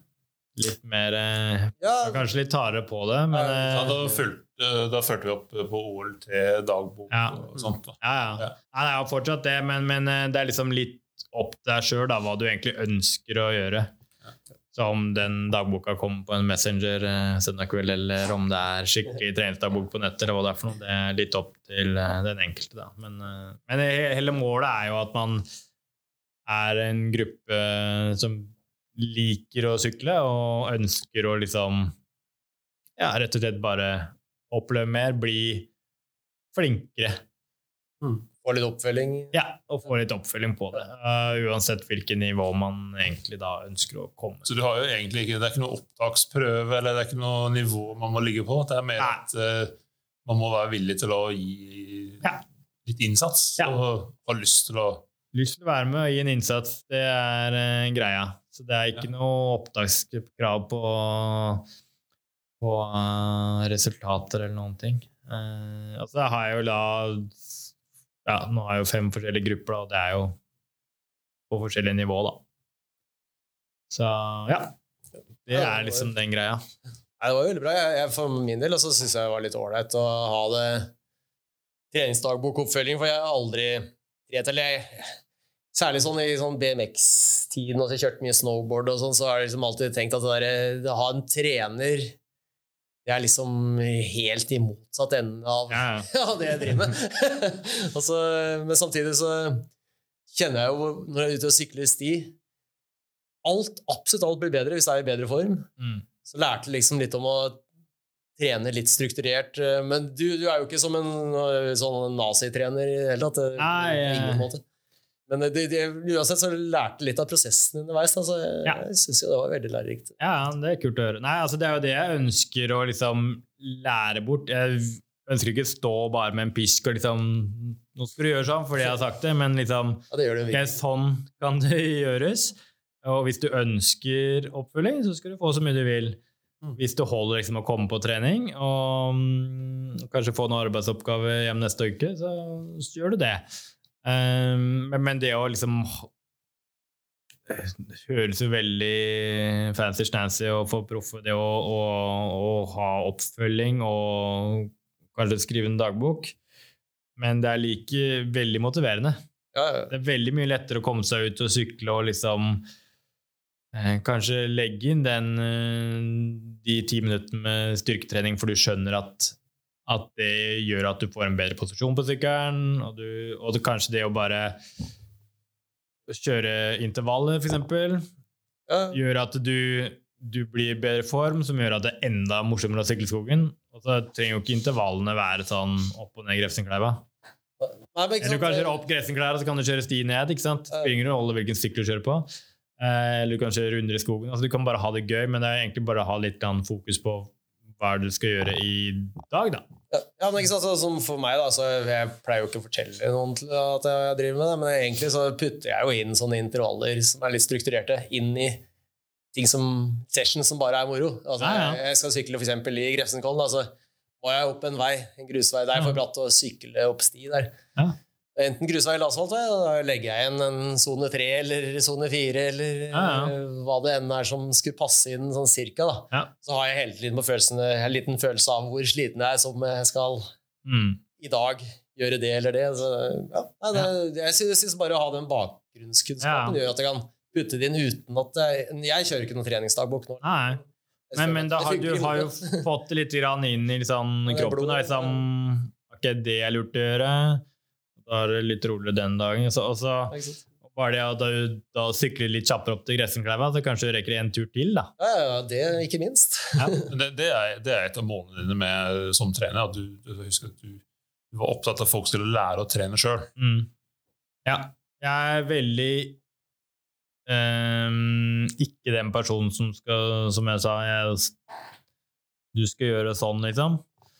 Eh, hvis vi, når vi lager en treningsplan nå, så er det liksom ja, ok, Hva mener du at du kan gjøre, da? Hva mener du er lurt? Og så kan jeg heller gå inn og se ok, ja, det er smart, men det er vel gjort sånn, eksempel. Og hvis ikke de dagene passer om hverandre fordi du skal et eller annet, så bare bytter du om. og Det er ikke så innmari vanskelig. Så det er liksom lære folk å bruke huet litt. Da, og Mm. kjenne etter hvordan det er at det skal funke. Og liksom sånn, å, Det står at jeg skal kjøre intervall i dag, men jeg er så sliten at jeg vet ikke hvor jeg skal stå. engang. Ikke? Ja, hvorfor er det det? Nei, jeg vet ikke. Jeg er så dårlig form i dag. Mm. Må jeg trene mer? Så bare, eller var det fordi du jobba 17 timer i går? Eller, ikke sant? Det er liksom klare å kjenne etter litt. da. Mm. Og det er merkelig nok, altså. Det er jo veldig enkelt når man er inni det, men Mm. uh, at folk kjenner ikke etter på kroppen sin. altså. Nei, det der er ikke mange som tenker på. Det er mange som ikke tenker på at Ja. eh, hele livet er, har forskjellige belastninger. Ja, ja. Det er ikke Ekstremt mye belastning. Altså Trening for de fleste nå skal jo være det som gir energipåfyll. ja, ja. Altså, Så det er ikke meningen å gå på felgen hele veien. Nei. og det er jo dessverre veldig mange som gjør det når liksom ah, Shit, ass, nå gikk det sakte på Strava, jeg må bare, jeg må bare trene mer. Mm. Så bare mm, Ja. Eller kanskje det, du faktisk var sliten. Har du sovet en uke her? Så bare Nei. Har du spist? Så bare, jeg har spist noe pølse på Essoen, liksom. Så bare, ok, ja. Alt det der henger sammen. Du trenger jo ikke bli asket eller noen ting, men, det, men når man begynner å liksom lære seg litt hvordan ting henger sammen, da, så tror jeg det har ringvirkning til alt mulig rart. Ja, ja, er man litt bevisst, så, så kommer det mer naturlig. Altså. Ja, altså jeg tenker når du er på jobb Altså du Det er jo ganske harde krav i de fleste flestes arbeidsliv. Mm. Det nytter jo ikke bare å sjangle inn på pulten og sovne der, liksom, og, og så går du hjem, og så får du lønna di, liksom. Det er ikke sånn det funker. Så det er jo minst like viktig Mm. være klar når du står opp og nå skal vi på jobb, og nå skal vi gjøre det og det. Og sånn og sånn. Og det er vel folk vant til, men det samme gjelder på trening. Ja, ikke sant? Da, da må jeg bare spørre, for at du skal ikke gå sånn dypt inn på trening, og sånn, men eh, også, i forhold til O- O2-opptak og sånne ting, men, men har du noe forhold til rulle? Om jeg har forhold til rulle, ja? Ja, Ja, det er og folk som kasta ut. rulle. altså, for det, det er veldig mange som altså, Jeg bruker rulle veldig mye. Mm. Eh, på vinteren eh, veldig effektiv, veldig lett. Ja. Eh, krever veldig lite. Ta på deg et par shorts og hodetelefon eller datamaskin, så er du klar å kjøre en hardøkt på én time. Ferdig. Ja. Eh, slippe å vaske sykkelen og masse greier. ja. Det er kult. Eh, klart at Man blir ikke teknisk god i skogen av det, men eh, hvis man skal få opp eh, kondisen, så, eller, ja, så funker det dritbra. Men der er det veldig målbart. Da er det veldig fort gjort å, sånn som du sa i stad eh, Shit, jeg klarte ikke å holde snitt Mm. på x antall watt i så så mange minutter da, mens jeg klarte forrige uke. Og, ja. Ja. Nei, altså På rulle, hvor du, nå som du er så fancy med du måler absolutt alt du gjør, så får man jo helt hetta hvis du kjører fem watt saktere på det draget der som du gjorde forrige uke. Og det er bare sånn ah, Nei, det har ingenting å si. Men det er jo en fin måte å følge med på. da Hvis det bare går dårlig og dårlig, så gjør du en feil. da. Mm. Ikke sant? Så det er veldig sånn sett er det veldig bra. Å rulle Jeg har kjørt mine 1000 timer på rulle, og litt ferdig med det. uh, altså jeg kan synes det er gøy å kjøre rulle når du har et godt program og du setter deg og banker på, og det funker. Uh, men det er ingenting som erstatter ordentlig trening ute. Det er det ikke. Men klart, når ungene mine var små, og det liksom alternativet er se på TV eller uh, bli irritert fordi du ikke fikk trent, så er jo rulla helt konge.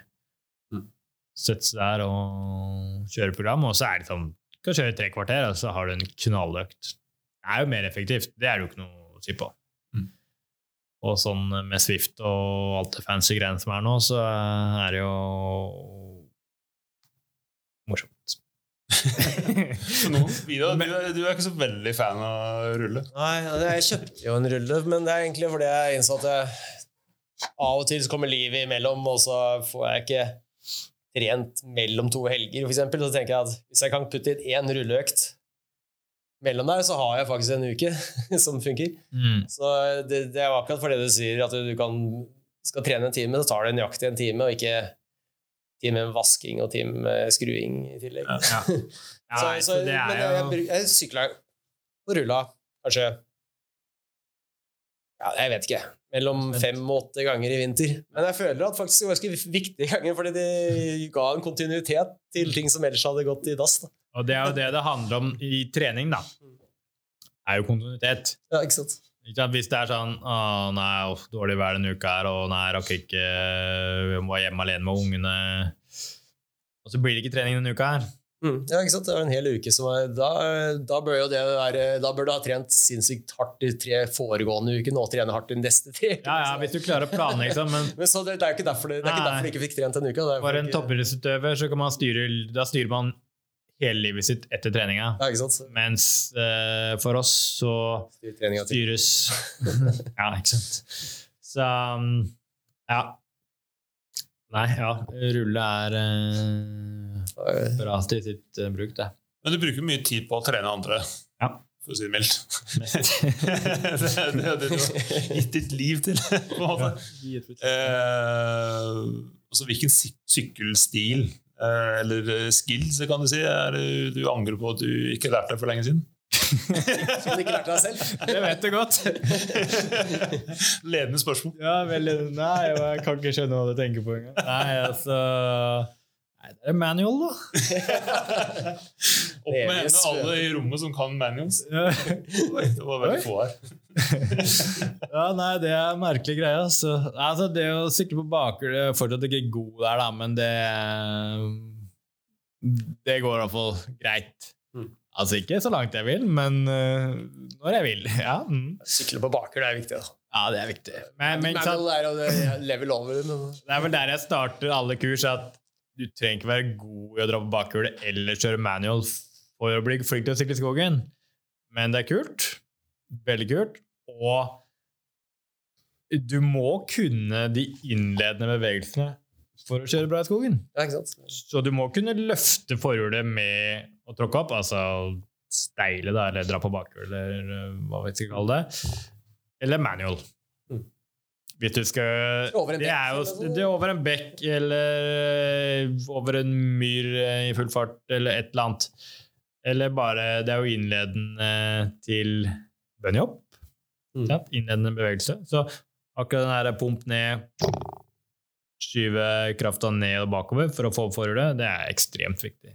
Men du trenger ikke kunne sykle i 70 km i timen ned Aptues på bakhjulet hele veien. Problemet er at per i dag hittil ikke har møtt noen som kan manual som ikke er dritflink på sykkel. Mm, Jeg kommer ikke på noen. Så jeg føler, at, jeg føler, jeg føler fortsatt at Jo, det er nøkkelen jeg vet ikke hvordan Du har sikkert føler sikkert han derre Jake100 på Instagram. Han er jo greit rå.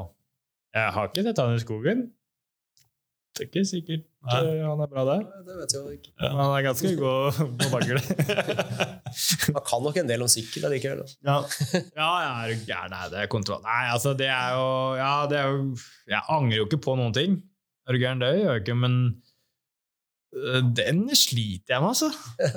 Det gjør det. Til og med Brage klarte ikke å lære det. Ja, han gjør ikke det. Men nå skal jeg ikke si at Nei, det er litt som du sier, jeg bruker definitivt mest tid på å lære andre å sykle. Ja, ja.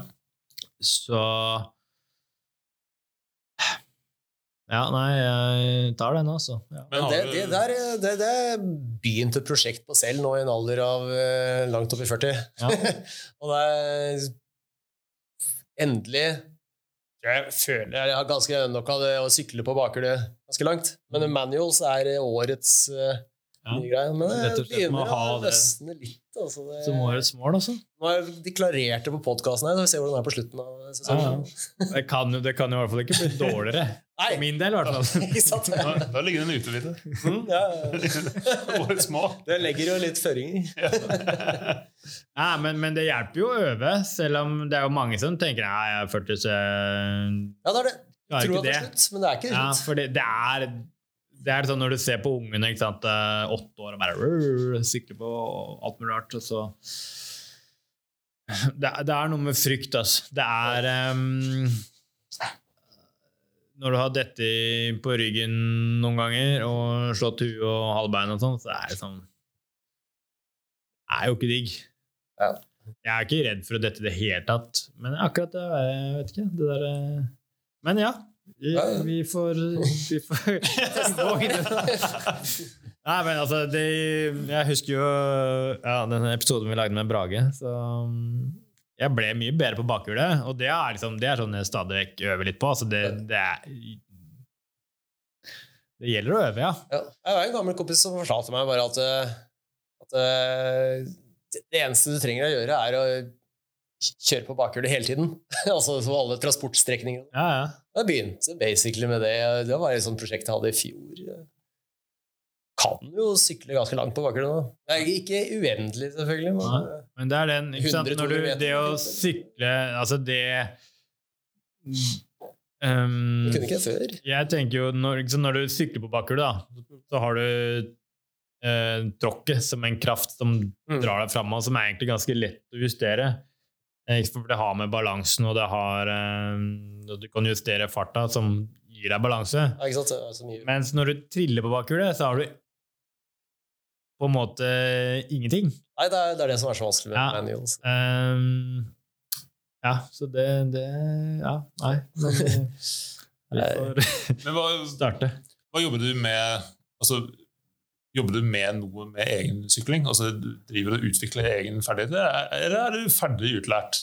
Nei, jeg, nei, altså det er det som er så morsomt. Da. Som jeg sa, jeg, har, jeg sykler jo helt dust, altså, eller har med sykkelen fryktelig mye i skogen, Uh, med, eh, med kursdeltakere og folk jeg trener. Um, og så er jeg ute en del på egen hånd, men veldig ofte så er det fordi jeg skal sjekke ut noe, teste en teknikk, eh, sjekke ut nye løyper, bare sette huet mitt på plass i forhold til et kurs jeg skal ha. Altså, alle greiene her, så er det veldig sjelden at jeg, at jeg er ute og sykler. Mm. Det må jeg ta meg sjøl innimellom. Bare ok, nå, i dag skal du sykle. Nå er det tre måneder siden sist. Altså, Og jeg kan jo ha mange hundre timer på Strava, Ja. men, eh, men jeg har ikke vært og sykla. Jeg har alltid hodet mitt på et eller annet jeg skal lære noen andre, eller nå skal vi sjekke ut der. Sjekke ut forholdene. Ja, det blir veldig sånn, så jeg må, jeg må passe på å ta de egne eh, greiene. Altså, det er jo så det, blir, det blir litt for lite.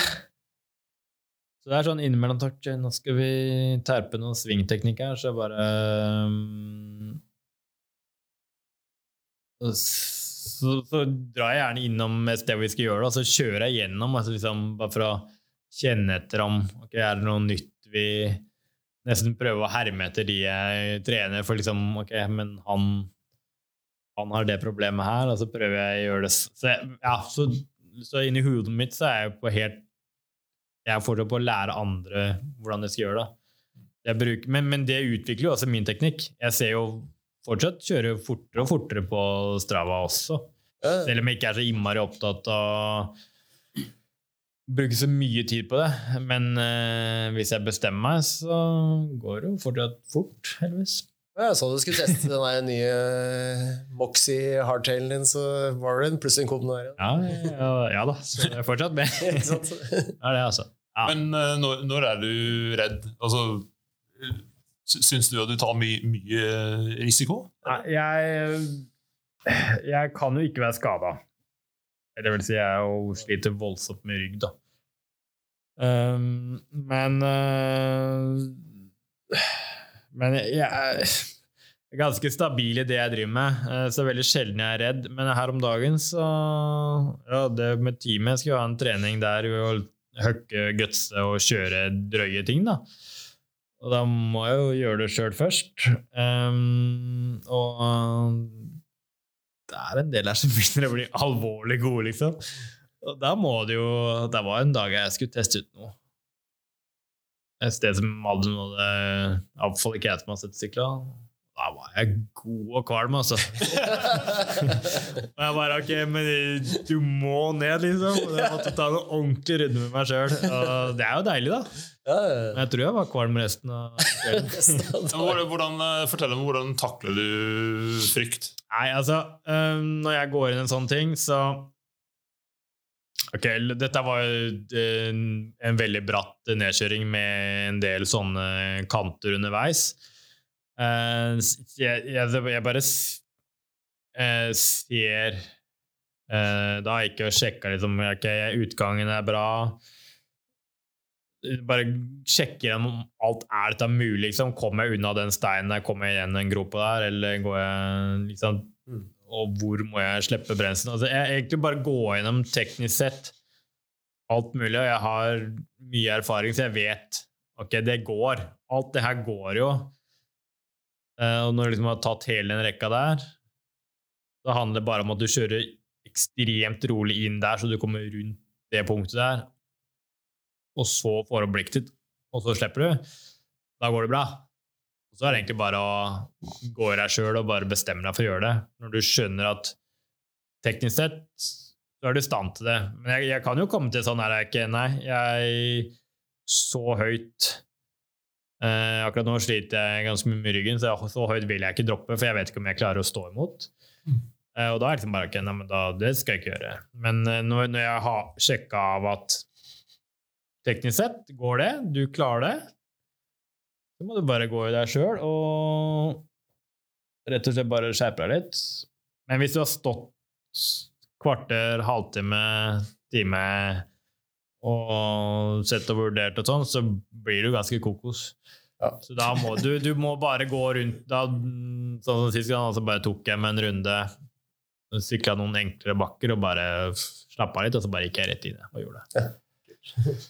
Ja. Men det er jo sånn, på et sånt punkt du må, bare bestemme deg for å gjøre det. Um, og så lenge du tenker at så lenge du da kjenner at ok, du er kvalm, du er nervøs, men du vet fortsatt at det er Det er um, Det er ingenting som kommer til å gå gærent, så lenge du bare gjør det du har bestemt deg for. Du må bare stå i det hele veien så gjør da må du bare presse deg gjennom. Men hvis du liksom da kommer ut der, og du bare er livredd, du husker ikke om du har bremsen på høyre eller venstre side liksom, Det er bare sånn Det har jeg ofte sett på kunder. Liksom, de liksom Åssen gjør jeg det, liksom? Så bare, det vet du. Ja. Men hvis det er så kåler opp i huet nå, så må du bare Da er det ikke det dagen i dag. Da, kan du, da tar vi en litt annen enn først, i hvert fall. Uh, så det er det sånn kjenner til hvis du bare kjenner på dødsangst og ikke husker hva det heter, så ikke er det no go. Det er, det er, det er, jeg tror man skal prøve å unngå den der fight or flight-refleksen, at den plutselig kommer i flight mode. Ja, ja. da låser alt seg, tror jeg. Ja. Nei, du må, du må kjenne etter at ok, ja, Mm. dette klarer du, men uh, du må, du, må, du må pushe over det ubehagelige.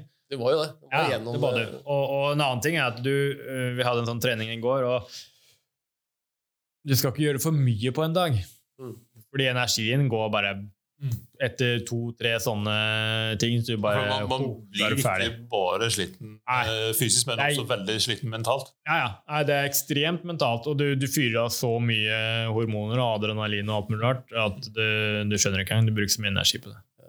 Det hadde vært gøy å måle egentlig. Men eh, jo, det var veldig han ene, han, Det var på en av gutta i går. Han sto Vi hadde stått og akkurat samme greia, liksom stått og titta og vurdert, og jeg hadde sendt den en runde rundt og bare faen, han skal gjøre dette, liksom. Skikkelig innbitt eh, type, da. Og så og så hadde han sett på pulsen sin liksom, når han surra litt rundt der, og var, så lå han på 110. Eh, altså selv om han sto stille, da. Um, men da hadde han liksom ikke bestemt seg for å gjøre det helt ennå. Han var, Høy- høy var litt rundt og litt uh, nervøs. Og så bare uh, pusta han ut, og så bare Nå! Og så titta han ned på klokka, da var han 160. og han sto helt stille. så det er ganske Det er høy hvilepuls. Ja, det er høy hvilepuls. ja, det er kult, ass. Ja. Og så bare bestemte han seg og gjorde det. Og det gikk jo kjempefint. Jeg bare kom ned i banen og bare oh. Ja, ja, ja. Men det er jo så utrolig bra følelse når man mestrer Ja. noe som man eh, fryktet. Og det Ja, ja, er det er kanskje derfor vi driver med det, tror jeg. Ja, det er nok eh, litt det, og noen liker det litt mer enn andre, da. Jeg tror det handler veldig om å finne egen metode. For at Ja, ja. det er veldig mange, tror jeg, som ser på en som er en sånn uh, gang-ho, og så bare, bare send litt. Mm. Eh, bruke alle de der Ja. tingene man pleier å si som er litt sånn tøffe seg, og så Ja. kan bare lukke øynene og bare kjøre på. Ja. Men så er det andre som, som må jobbe veldig veldig mye Ja. med seg sjøl. Men du kan jo se på Brage, da. Ganske fett det han gjorde. Den editen. på- Ja, det er kult. Og han, han har brukt mye tid Altså mye tid på hele prosessen. Mm. Ikke sant, På å bygge disse elementene og kjøre inruns men det er, han, det er ikke sånn at han bare bygger det på to Nei, timer, og så hva bare går han og hopper det. Han har brukt mye tid, altså. Mye, han har akkurat samme greiene, men det er klart eh, For vanlige folk så tenker man bare at han er klin gæren. Han er ikke klin gæren. Han er ekstremt eh, beregnet på hva han driver med. Det samme ser du på Red Bull Rampage. De bruker to uker på å bygge, et, bygge en linje. Og teste fart, og det er liksom ah, ok, det blåser én sekundmeter for mye fra høyre, så jeg kan ikke gjøre det trikset. Det er Ja, det er ekstremt De er ikke gærne i det hele tatt. De er bare ekstremt gode på hva de driver med. Er det lenge siden du har trynet? Ordentlig? Um, ja, det er ikke så ofte, egentlig. Jeg har med kunder hele tida, så jeg må prøve å holde meg på beina. uh, men ja, det, det er kanskje en periode plutselig hadde en Nei, Det er lenge siden jeg har vært noe ordentlig, ja. Faktisk. Men var- eh, noe er jo Ja da. Jeg husker en gang du trodde på trening. Det er stort sett når jeg ikke konsentrerer meg, da. Jeg husker på, Vi var på Vervenbukta, og det var ganske sånn typisk regn og glatt og lyktekjøring og sånn. Mm. Og så hadde du en sånn duskleik på tre rot eller et eller annet. jeg vet ikke. Ja. Og så fløy du inn i et tre med hofte, eller noe sånt, og så lo du der og vrengte deg. Og det, det var Det var helt surrealistisk. Ja, altså, For det første, eneste gang. Og så kan alle ble helt kan ble så satt ut. Ja. Han er menneske. Ja. ja, det stemmer det. Stemmer det, det husker jeg. Ja. Det gjør det. Det var er ikke sånn Yoda mista lyssabelen mens han fekta, liksom. Ja, vel. Det ja, nei, ja. Det, det skjer jo innimellom, men det skjer aldri når jeg er fokus på å kjøre Altså grisekjøre, kjøre fort ned Ja. et eller annet vanskelig, eller gjøre et høkk eller, Altså et eller annet som er vanskelig, da, hvor jeg er konsentrert. Det skjer når jeg altså har huet mitt på et helt annet sted. Altså jeg, jeg, det har blitt ekstremt god til. det. Altså kjøre bak andre hvor de kjører maks på en vanskelig sti, Mm. og ligge og se på de istedenfor å konsentrere meg om meg sjøl. Mm. men allikevel så har jeg en sånn Jeg klarer å, klarer å gjøre det jeg skal allikevel. Jeg bare liksom på en måte kjenner det. Men, eh, så det er mer de gangene hvor jeg bare skal fra A til Å og bare 'Kommer det, eller gutta?' Og så et eller annet. Ja, det stemmer, det. Den gangen, Ja, jeg tror det var den gangen der. tryna som James snakka om, det var da vi skulle tilbake Det var for treninga ferdig, vi skulle ned dit. Ja, jeg tror sikkert sykla og så meg bakover. Jeg har noen sånne. Jeg husker jeg hadde, en, eh, hadde trent det var før jeg begynte å jobbe med. Jeg hadde en skoleklasse jeg skulle være på stisykling. Og så skulle jeg sykle en liten dropp, da, så bare så snudde jeg meg samtidig og bare sjekka at de var etter meg. Og så gikk jeg så jævlig på trynet. Og det er pinlig. Jeg bare, han bare, For de hadde med seg en lærer. At jeg bare Ja, men bare dra, dere. Det var ferdig, liksom. og skal bare ligge her og blø litt. ja, altså jeg, jeg måtte krabbe til T-banen, og Nei, det var helt jævlig. Så jo da. Det, det skjer, men det er ikke så innmari ofte, nei. Det er helt riktig. Hvor, eh, hvor går terrengsykling for fremtiden? Hva tenker du, og, og, og hva syns du om EMTB? E, hva?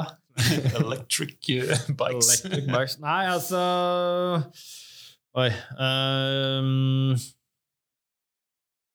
nei, altså, hvor det går eh, Det er jo ikke noe tvil om at det blir mer e-sykler. Og hva jeg syns om det. Um, det. Det blir mer syklister generelt. Uh, det blir eh, mer Det går en liten debatt nå, altså på liksom forskjellen på det å rydde opp en gammel sti til å begynne å bygge voldsomt mye, da. Der, der har, man, har vi en jobb å gjøre med NOTS og terrengsykkel og alle disse organene for å få fram litt grann, eh, Det er bra å bygge løyper og sånne ting. Eh, gjør det sjøl, men det er forskjellen på liksom hva man skulle gjøre, og hva som er lov. Eh, det finnes jo regler på det. Jeg skal ikke gå inn på hele den greia der nå, men Det er kanskje for langt lerret. Nei, altså litt akkurat nå er det nesten sånn at syklister ødelegger for andre syklister. Mm. Det å gjøre ting lettere eller raskere fordi man ikke fikser en linje, så skal man gjøre den lettere så det går fortere på Strava og sånne ting, som jeg syns er en skikkelig uting. Ja, det er litt irriterende, fordi Ah, så de, de letter en linje for at sin egen Strava-tid skal gå bedre, men da må alle andre Strava-tider også gå bedre, så det har egentlig ingenting å si. nei, det er jo ikke det. Det vil bare bli er kortere veldig- tid i segmentet. Ja, jeg kjenner det er veldig Det irriterer meg ganske mye. Altså, jeg fant et sted i går uh, nede fra Grøssekollen. Der uh, et sted der ganske vanskelig teknisk. Mm. Relativt bratt og trangt og mye stein og sånn. Mye løs stein og spesielt. Og så er det sånn, på en måte to sånne ja, litt sånn dropp. Eh, eller du, du, du ruller inn på det, man høkker ikke ut, liksom. Eh, og litt av greia at på den andre så føles det alltid som om du skal gå over styret. Mm. Og så er man nødt til å liksom dytte styret frem og jobbe litt for å komme over. Ja. Tippet det hadde gått greit, men du får den følelsen. Det er sånn det, er litt sånn det som er mestringsfølelsen på akkurat der.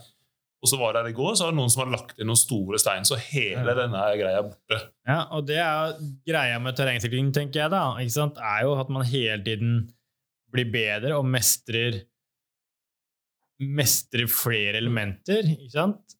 Og liksom har den der, ja, kanskje den greia der, kanskje du har gått og liksom titta på den og prøvd sett på den kanskje i tre-fire år, da. Mm.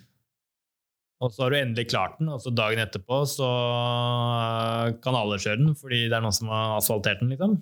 Det er, eh, det er en uting, altså. Men at man bygger forskjellige løyper for forskjellige nivåer sånn, det er fint, men ikke fordi du ikke fikser det, så må du liksom ødelegge for alle andre. Det er, eh, er det ikke bra, altså. Det er ikke bra. Jeg har eh, Strava litt eller mye å skylde der, tenker du?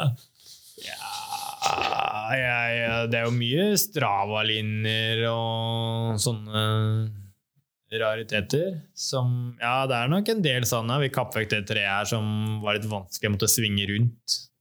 Kapper du vekk det, så tar du tre sekunder der. Så det står et sens i stad. som Irriterte meg litt. Uh, og det er så unødvendig. Da tenker jeg lær deg å sykle først. Ikke sant? Ja.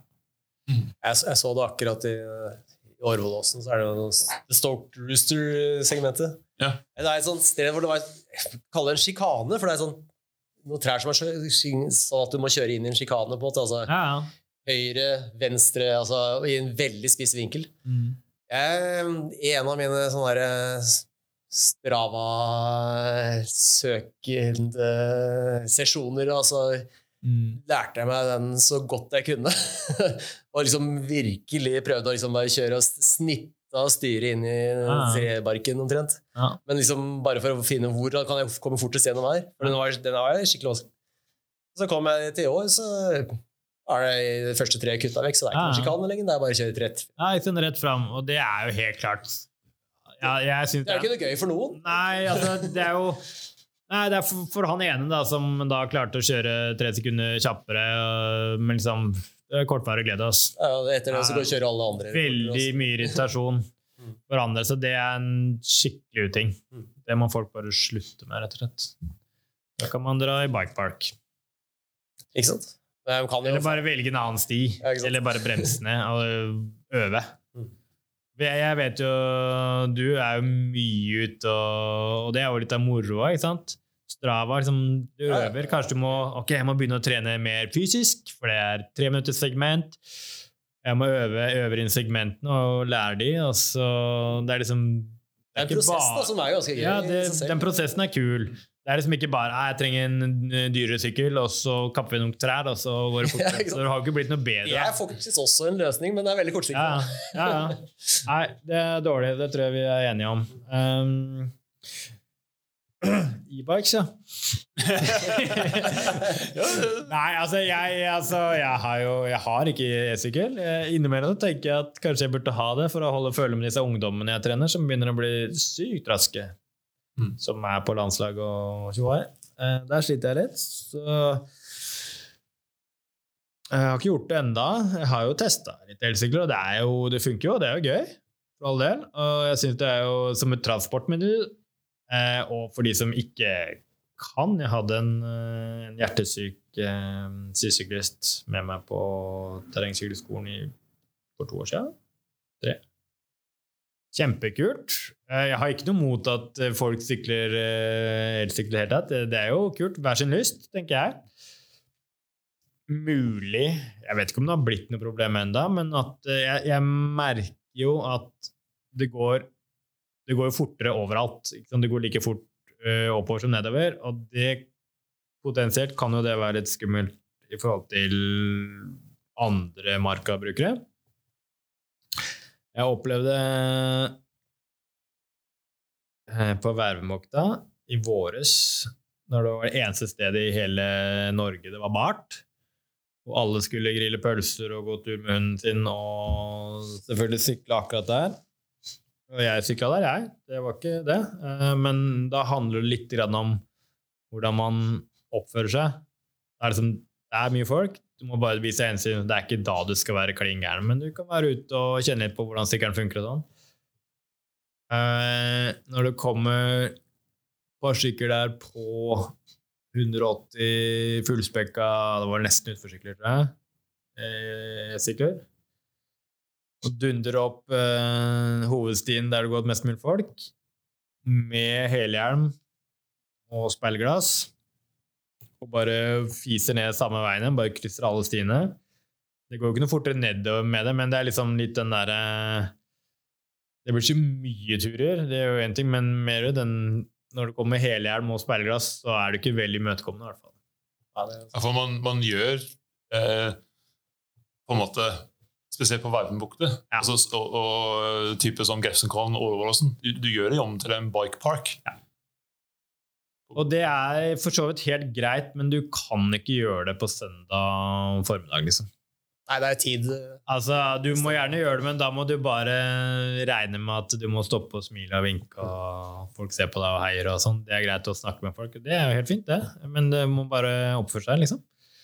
Men skulle du Eller det er kanskje litt eh, Jeg tror jeg vet hva svaret er, men det, det, det satses enormt mye penger på andre idretter. Men en bikepark i hovedstaden, f.eks., det, det har vi ikke. Nei, vi har jo Dryvann, da. De varte et halvt år eller noe. Ja. Det er jo helt, helt tragisk. Og det er jo Jeg vet ikke, ser jo klubben hvor mange tusen unger som er, og det finnes ikke én pumptrack i Oslo. Så vidt jeg veit. Nei, det må i utkant. Det er kanskje noe oppe i Groruddalen et eller annet sted. Ikke sikker. Ja, men så, langt med en gang du kommer ut altså Jeg bor på Sigrud, der har vi en kjempesvær en. Mm. Kolbotn har to.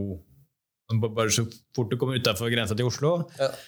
da er det masse. Mm. Altså, jeg var i eh, Vestlandet Hva het det de hadde den der fotballserien? Um, ja, samme det. Altså, et lite sted. Det var uh, helt vilt kult. Jeg var der og skulle holde kurs. Det var uh, fire voksne der, og så var det to barn som sykla. Og de hadde jo fått bygd seg det villeste Det var litt sånn uh, Hafjell Ja, uten heis, da. Men uh, det var sånn ja, Hvem er det som bruker det? Nei, det var én som sykla litt der. Han sykla til og fra jobb, da. Ok, ja, de har brukt jeg tror det var to millioner kroner. ja. Ja. Så det er jo trist, da. At det ikke skjer noe i Oslo. Ja, det er egentlig litt rart. Veldig altså. trist. Og da, klart, da syns jeg, sånn som det blir litt bråk om liksom, at 15-16-17-åringer går ut i skogen og tar spaden sjøl Det kommer jo bare til å skje. Ja, ja, altså, det er jo sånn man må gjøre det, men kan man ikke gjøre det så enkelt at det liksom, ja, gutta, ikke der. Det er ikke? Der borte, der er det ingen som går. Da kan dere få lov til å gjøre hva dere vil. Mm. Her har dere 10 000 kroner til ordentlige planker, er eh, impregnert planker og skruer, så blir det trygt i tillegg. Altså, det er så billig, mm, bra greie for å holde folk unna et par andre ting som vi har nok penger på.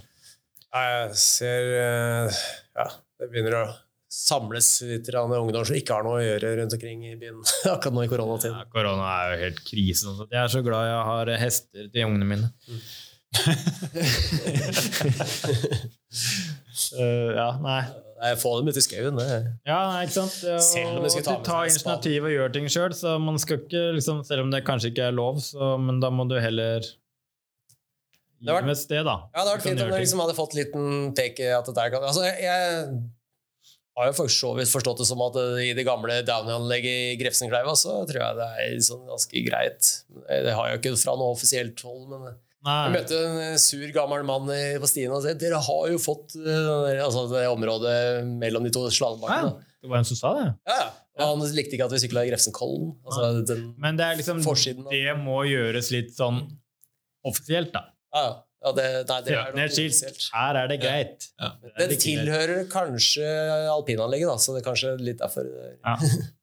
Altså med terreng Nei, i, i, i um, Tryvann så er det vel også Vi har vel ikke lov å lage noe særlig utafor akkurat Tryvann sin eiendom.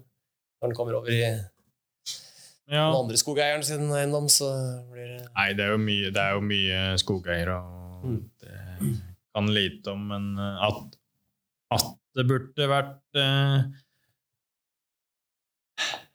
tenkt litt nye baner der, og latt eh, Altså styrt litt, da. Så Mm. latt eh, altså, Du har jo dugnadskraft i massevis, og Ja, ja, ja. og ut og bygge. Eller unga, altså like mye. unger har jo litt tid også. Ja, ja. Vi familiefredere har jo stort sett ikke tid. Nei, det er jo lite tid til det, så, men unga har tid, og det er jo kjempebra. Mm.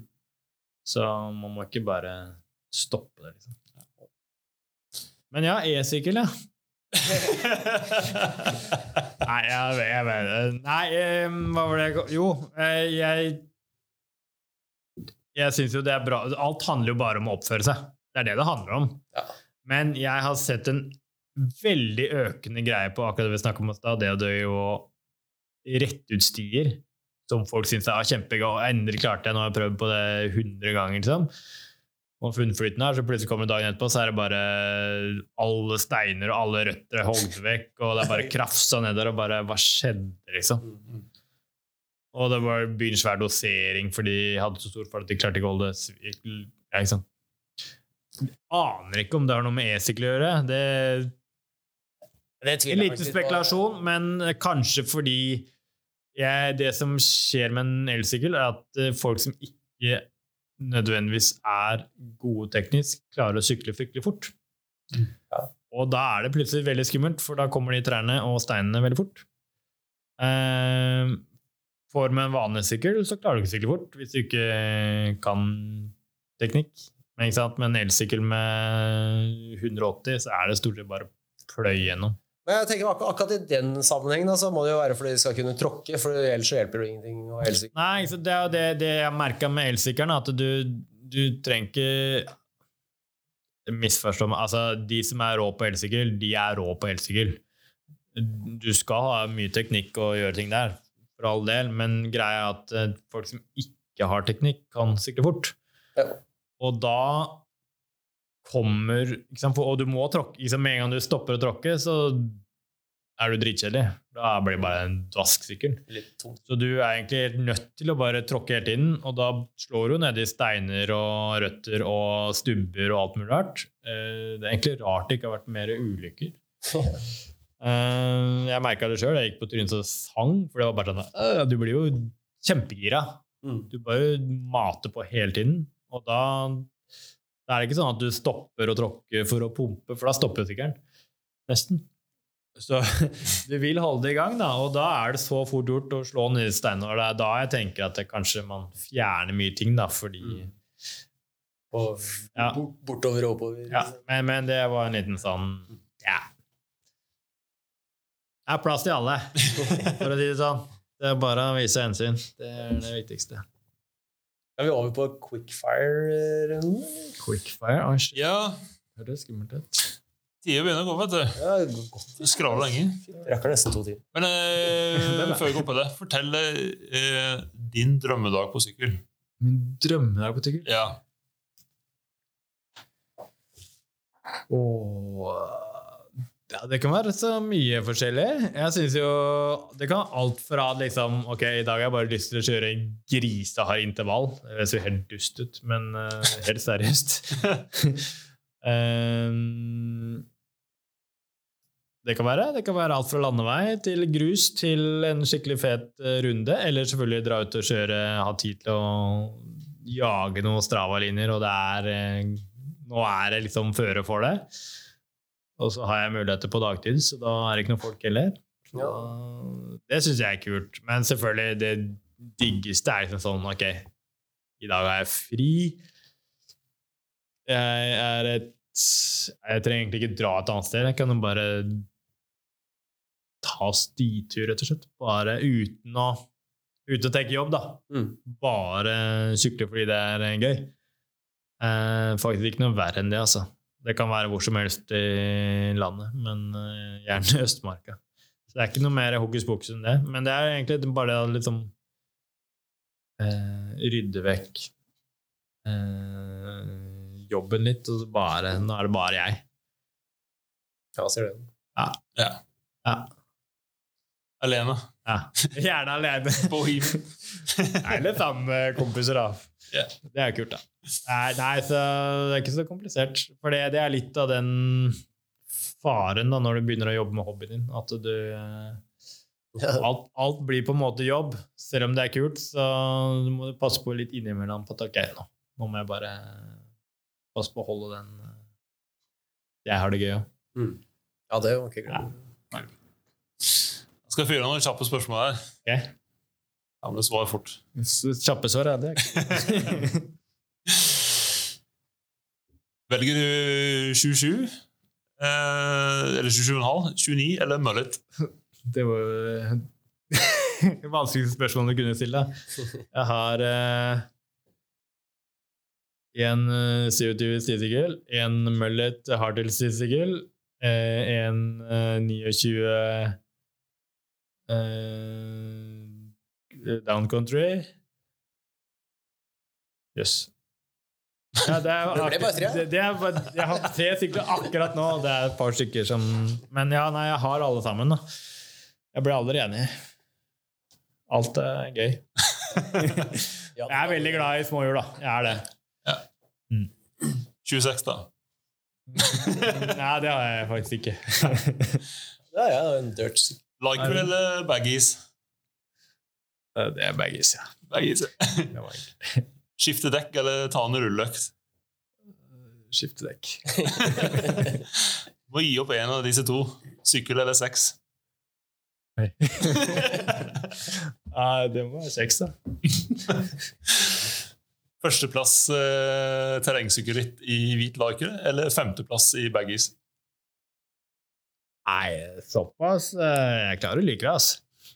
Ja, seier er viktigere. Karbon, eh, aluminium eller stål? Stål. Eller alt. At du kan bli manual ninja eller hopp ninja? Ja, hopp.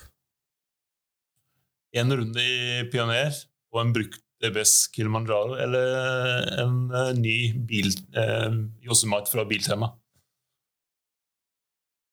Oi, nei, det blir jo helt klart eh, den eh, Kilimanjaroen, ja.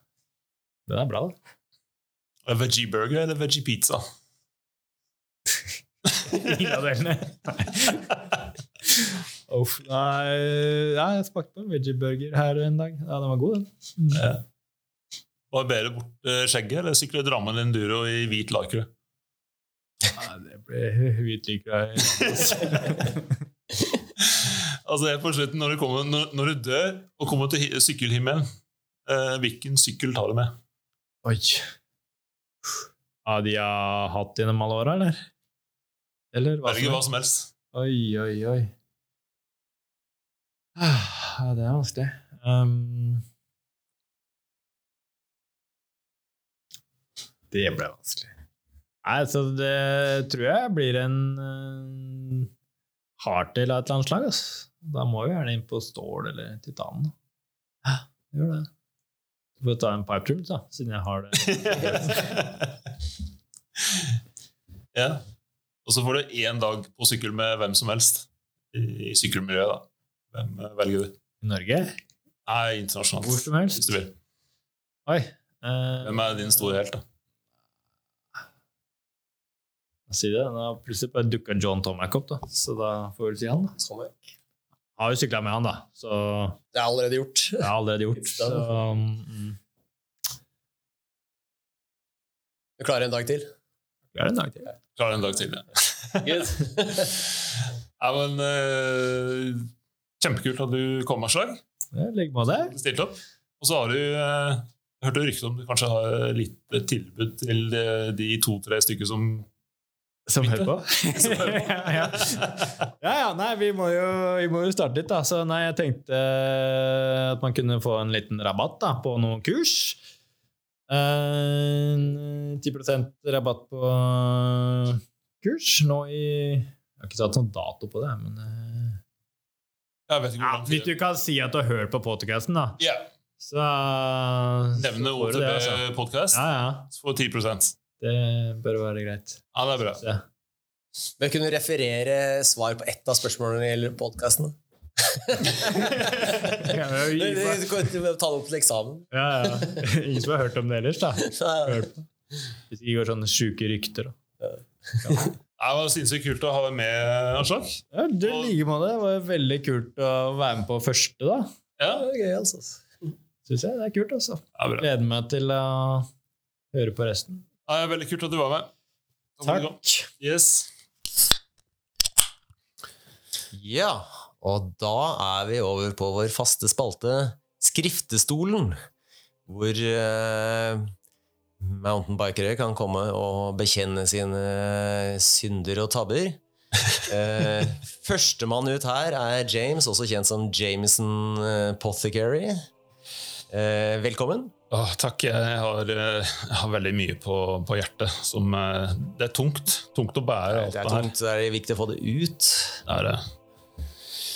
Så vi må ta en tur inn. rett og slett. Ja. Eh, Du skjønner at jeg eh, for noen år siden, da jeg hadde en Santa Cruz Bronsen, så hadde jeg aluminiumshjulsett. Uff a meg. det går ikke. det- Ja, nå har vi det igjen, da. Det har skjedd. Jeg har det igjen, men det, det var det vil, Jeg må si at det var 28, 28 eiker. Ja, ja, det, Ikke, ja, det er ikke 32. Det, det holder ikke. Det er ikke innenfor. Og innebredden eh, tror jeg var under 30. ja, ikke sant? Det, det er jo uakseptabelt. Ja, Det er nesten et under at det ikke har eh, gitt opp stisykling. det Kunne jo ja, risikert å eh, stryke med. Også. Det Ja. kunne jo bare kollapse. Du vet aldri. Nei, aldri. Når som helst. Og det julesettet den, eh, den var så herpe at uh, en uh, lakk, for å si det mildt, uh, ja, måtte kjøre med slange. Oi, oi, oi. Så du skjønner dilemmaet mitt. Ja, det var vondt.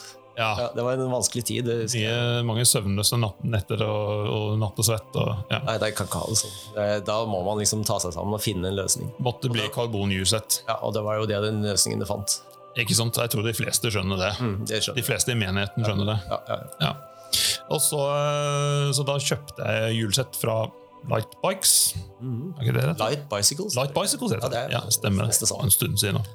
Kina, Ki- Kina- Kina, Kina firma. Det er, det er bra Kina-firma, men Det er det med Hope, eh, Nav og, sånn. ja, Ja, ja.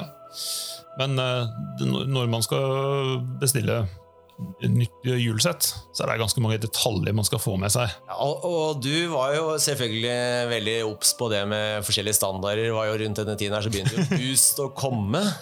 Det var du vel obs på? Nei. jeg, var, jeg tror jeg brukte mesteparten av den tida jeg brukte på å bestille hjulsettet, det gikk på hvilken farge dekoret skulle ha på felgene og sånne ting. Ja, det, det er for så vidt også ikke uvesentlig. da. Nei, det er ikke det. Man kan bli raskere av å velge riktig. Eller ja. treige av å velge feil. Det er viktig, det. Så eh, da får jeg hjulsettet, går inn i boden, eh, skal montere, og da finner jeg ut at eh, bakhjulet det passer. Det var bra. Men Det er jo veldig god start. ja, det var en god start. Da ble det god stemning i boden. Seier allerede. Ja, ja. Men forhjulet, den eh, passet ikke gaffelen min, fordi jeg hadde ikke boost. Nei. Nei, så Det var faktisk en litt sånn rar ting som eh, Santa Cruz gjorde en liten periode. Jeg hadde boost bak, men ikke foran. nettopp. Jeg kan, jeg kan se behovet. for så vidt. Du trenger ikke boost foran på en 27,5 hjul, men det er jo dumt å ha to forskjellige. Men jeg, Ja, ja. Og fins en ny standard som er bedre, så må man selvsagt ha det, spesielt hvis du er eh, 40 pluss. ja, ja, ja. Det må man ha.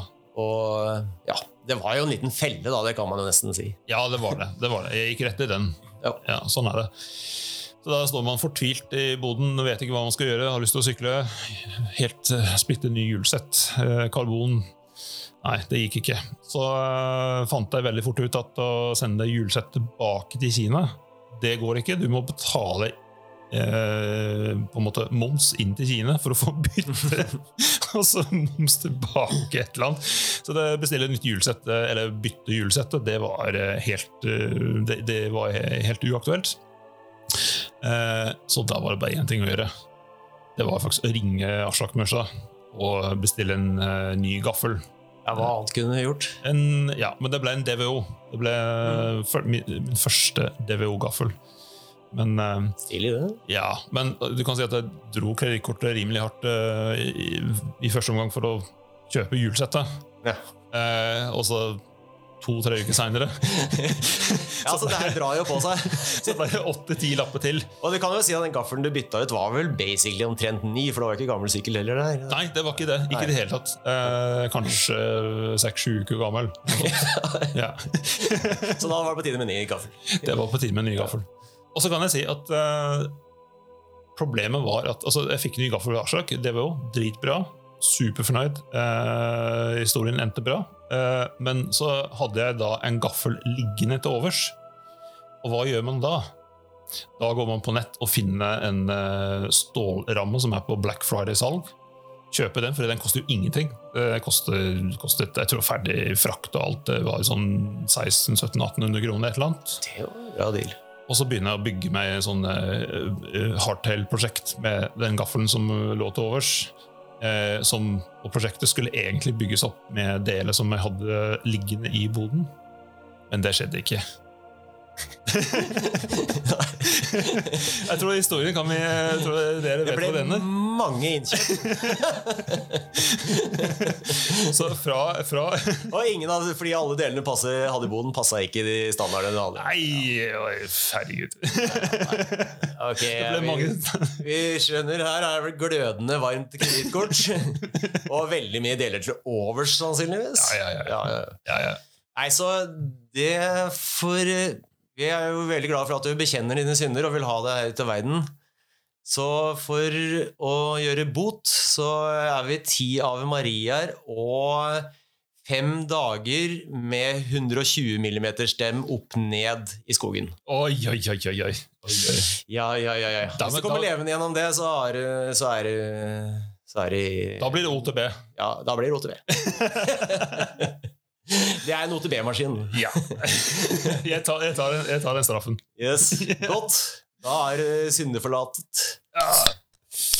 Nei, tusen takk for at uh, dere lyttet til vår eh, aller første OTB-podden. Uh, så må vi takke Stian for lån av lokalet. vi må takke Stian Karsen for lån av lokalen på alle tall. Eh, også Pluss 4 Medie for eh, lån av eh, podkastutstyret. Helt tilfeldigvis at det er jeg som eh, driver filmen. Ja, du er jo heldig at du kjenner eieren. Han er grei. Ja. Fakturerer meg sjøl. Eh, og vi er jo fullstendig usponset. Vi har ingen samarbeidspartner, ingenting. Men eh, hvis eh, noen føler et sterkt behov for å sende oss gratis utstyr, eh, deler og teste sykler, dekk f.eks. Dekk tester vi veldig ofte. Ja, ja, ja. Det går bare send i posten. Vi tar imot. Neida. Men eh, Jeg vet ikke hvor mange som eh, ble igjen til slutt, men tusen takk for at eh, dere lytter til podkasten. Og så velkommen tilbake om ikke så veldig lenge. Og husk å like, subscribe, alle de andre ting som Alle de normale SoMe-tingene. Ja, de så ja, influenser sier. Alle, alle de tingene der. Gjør, gjør det. gjør det. Klikk. Klikk. Tusen takk for oss. Ha det. Takk for oss.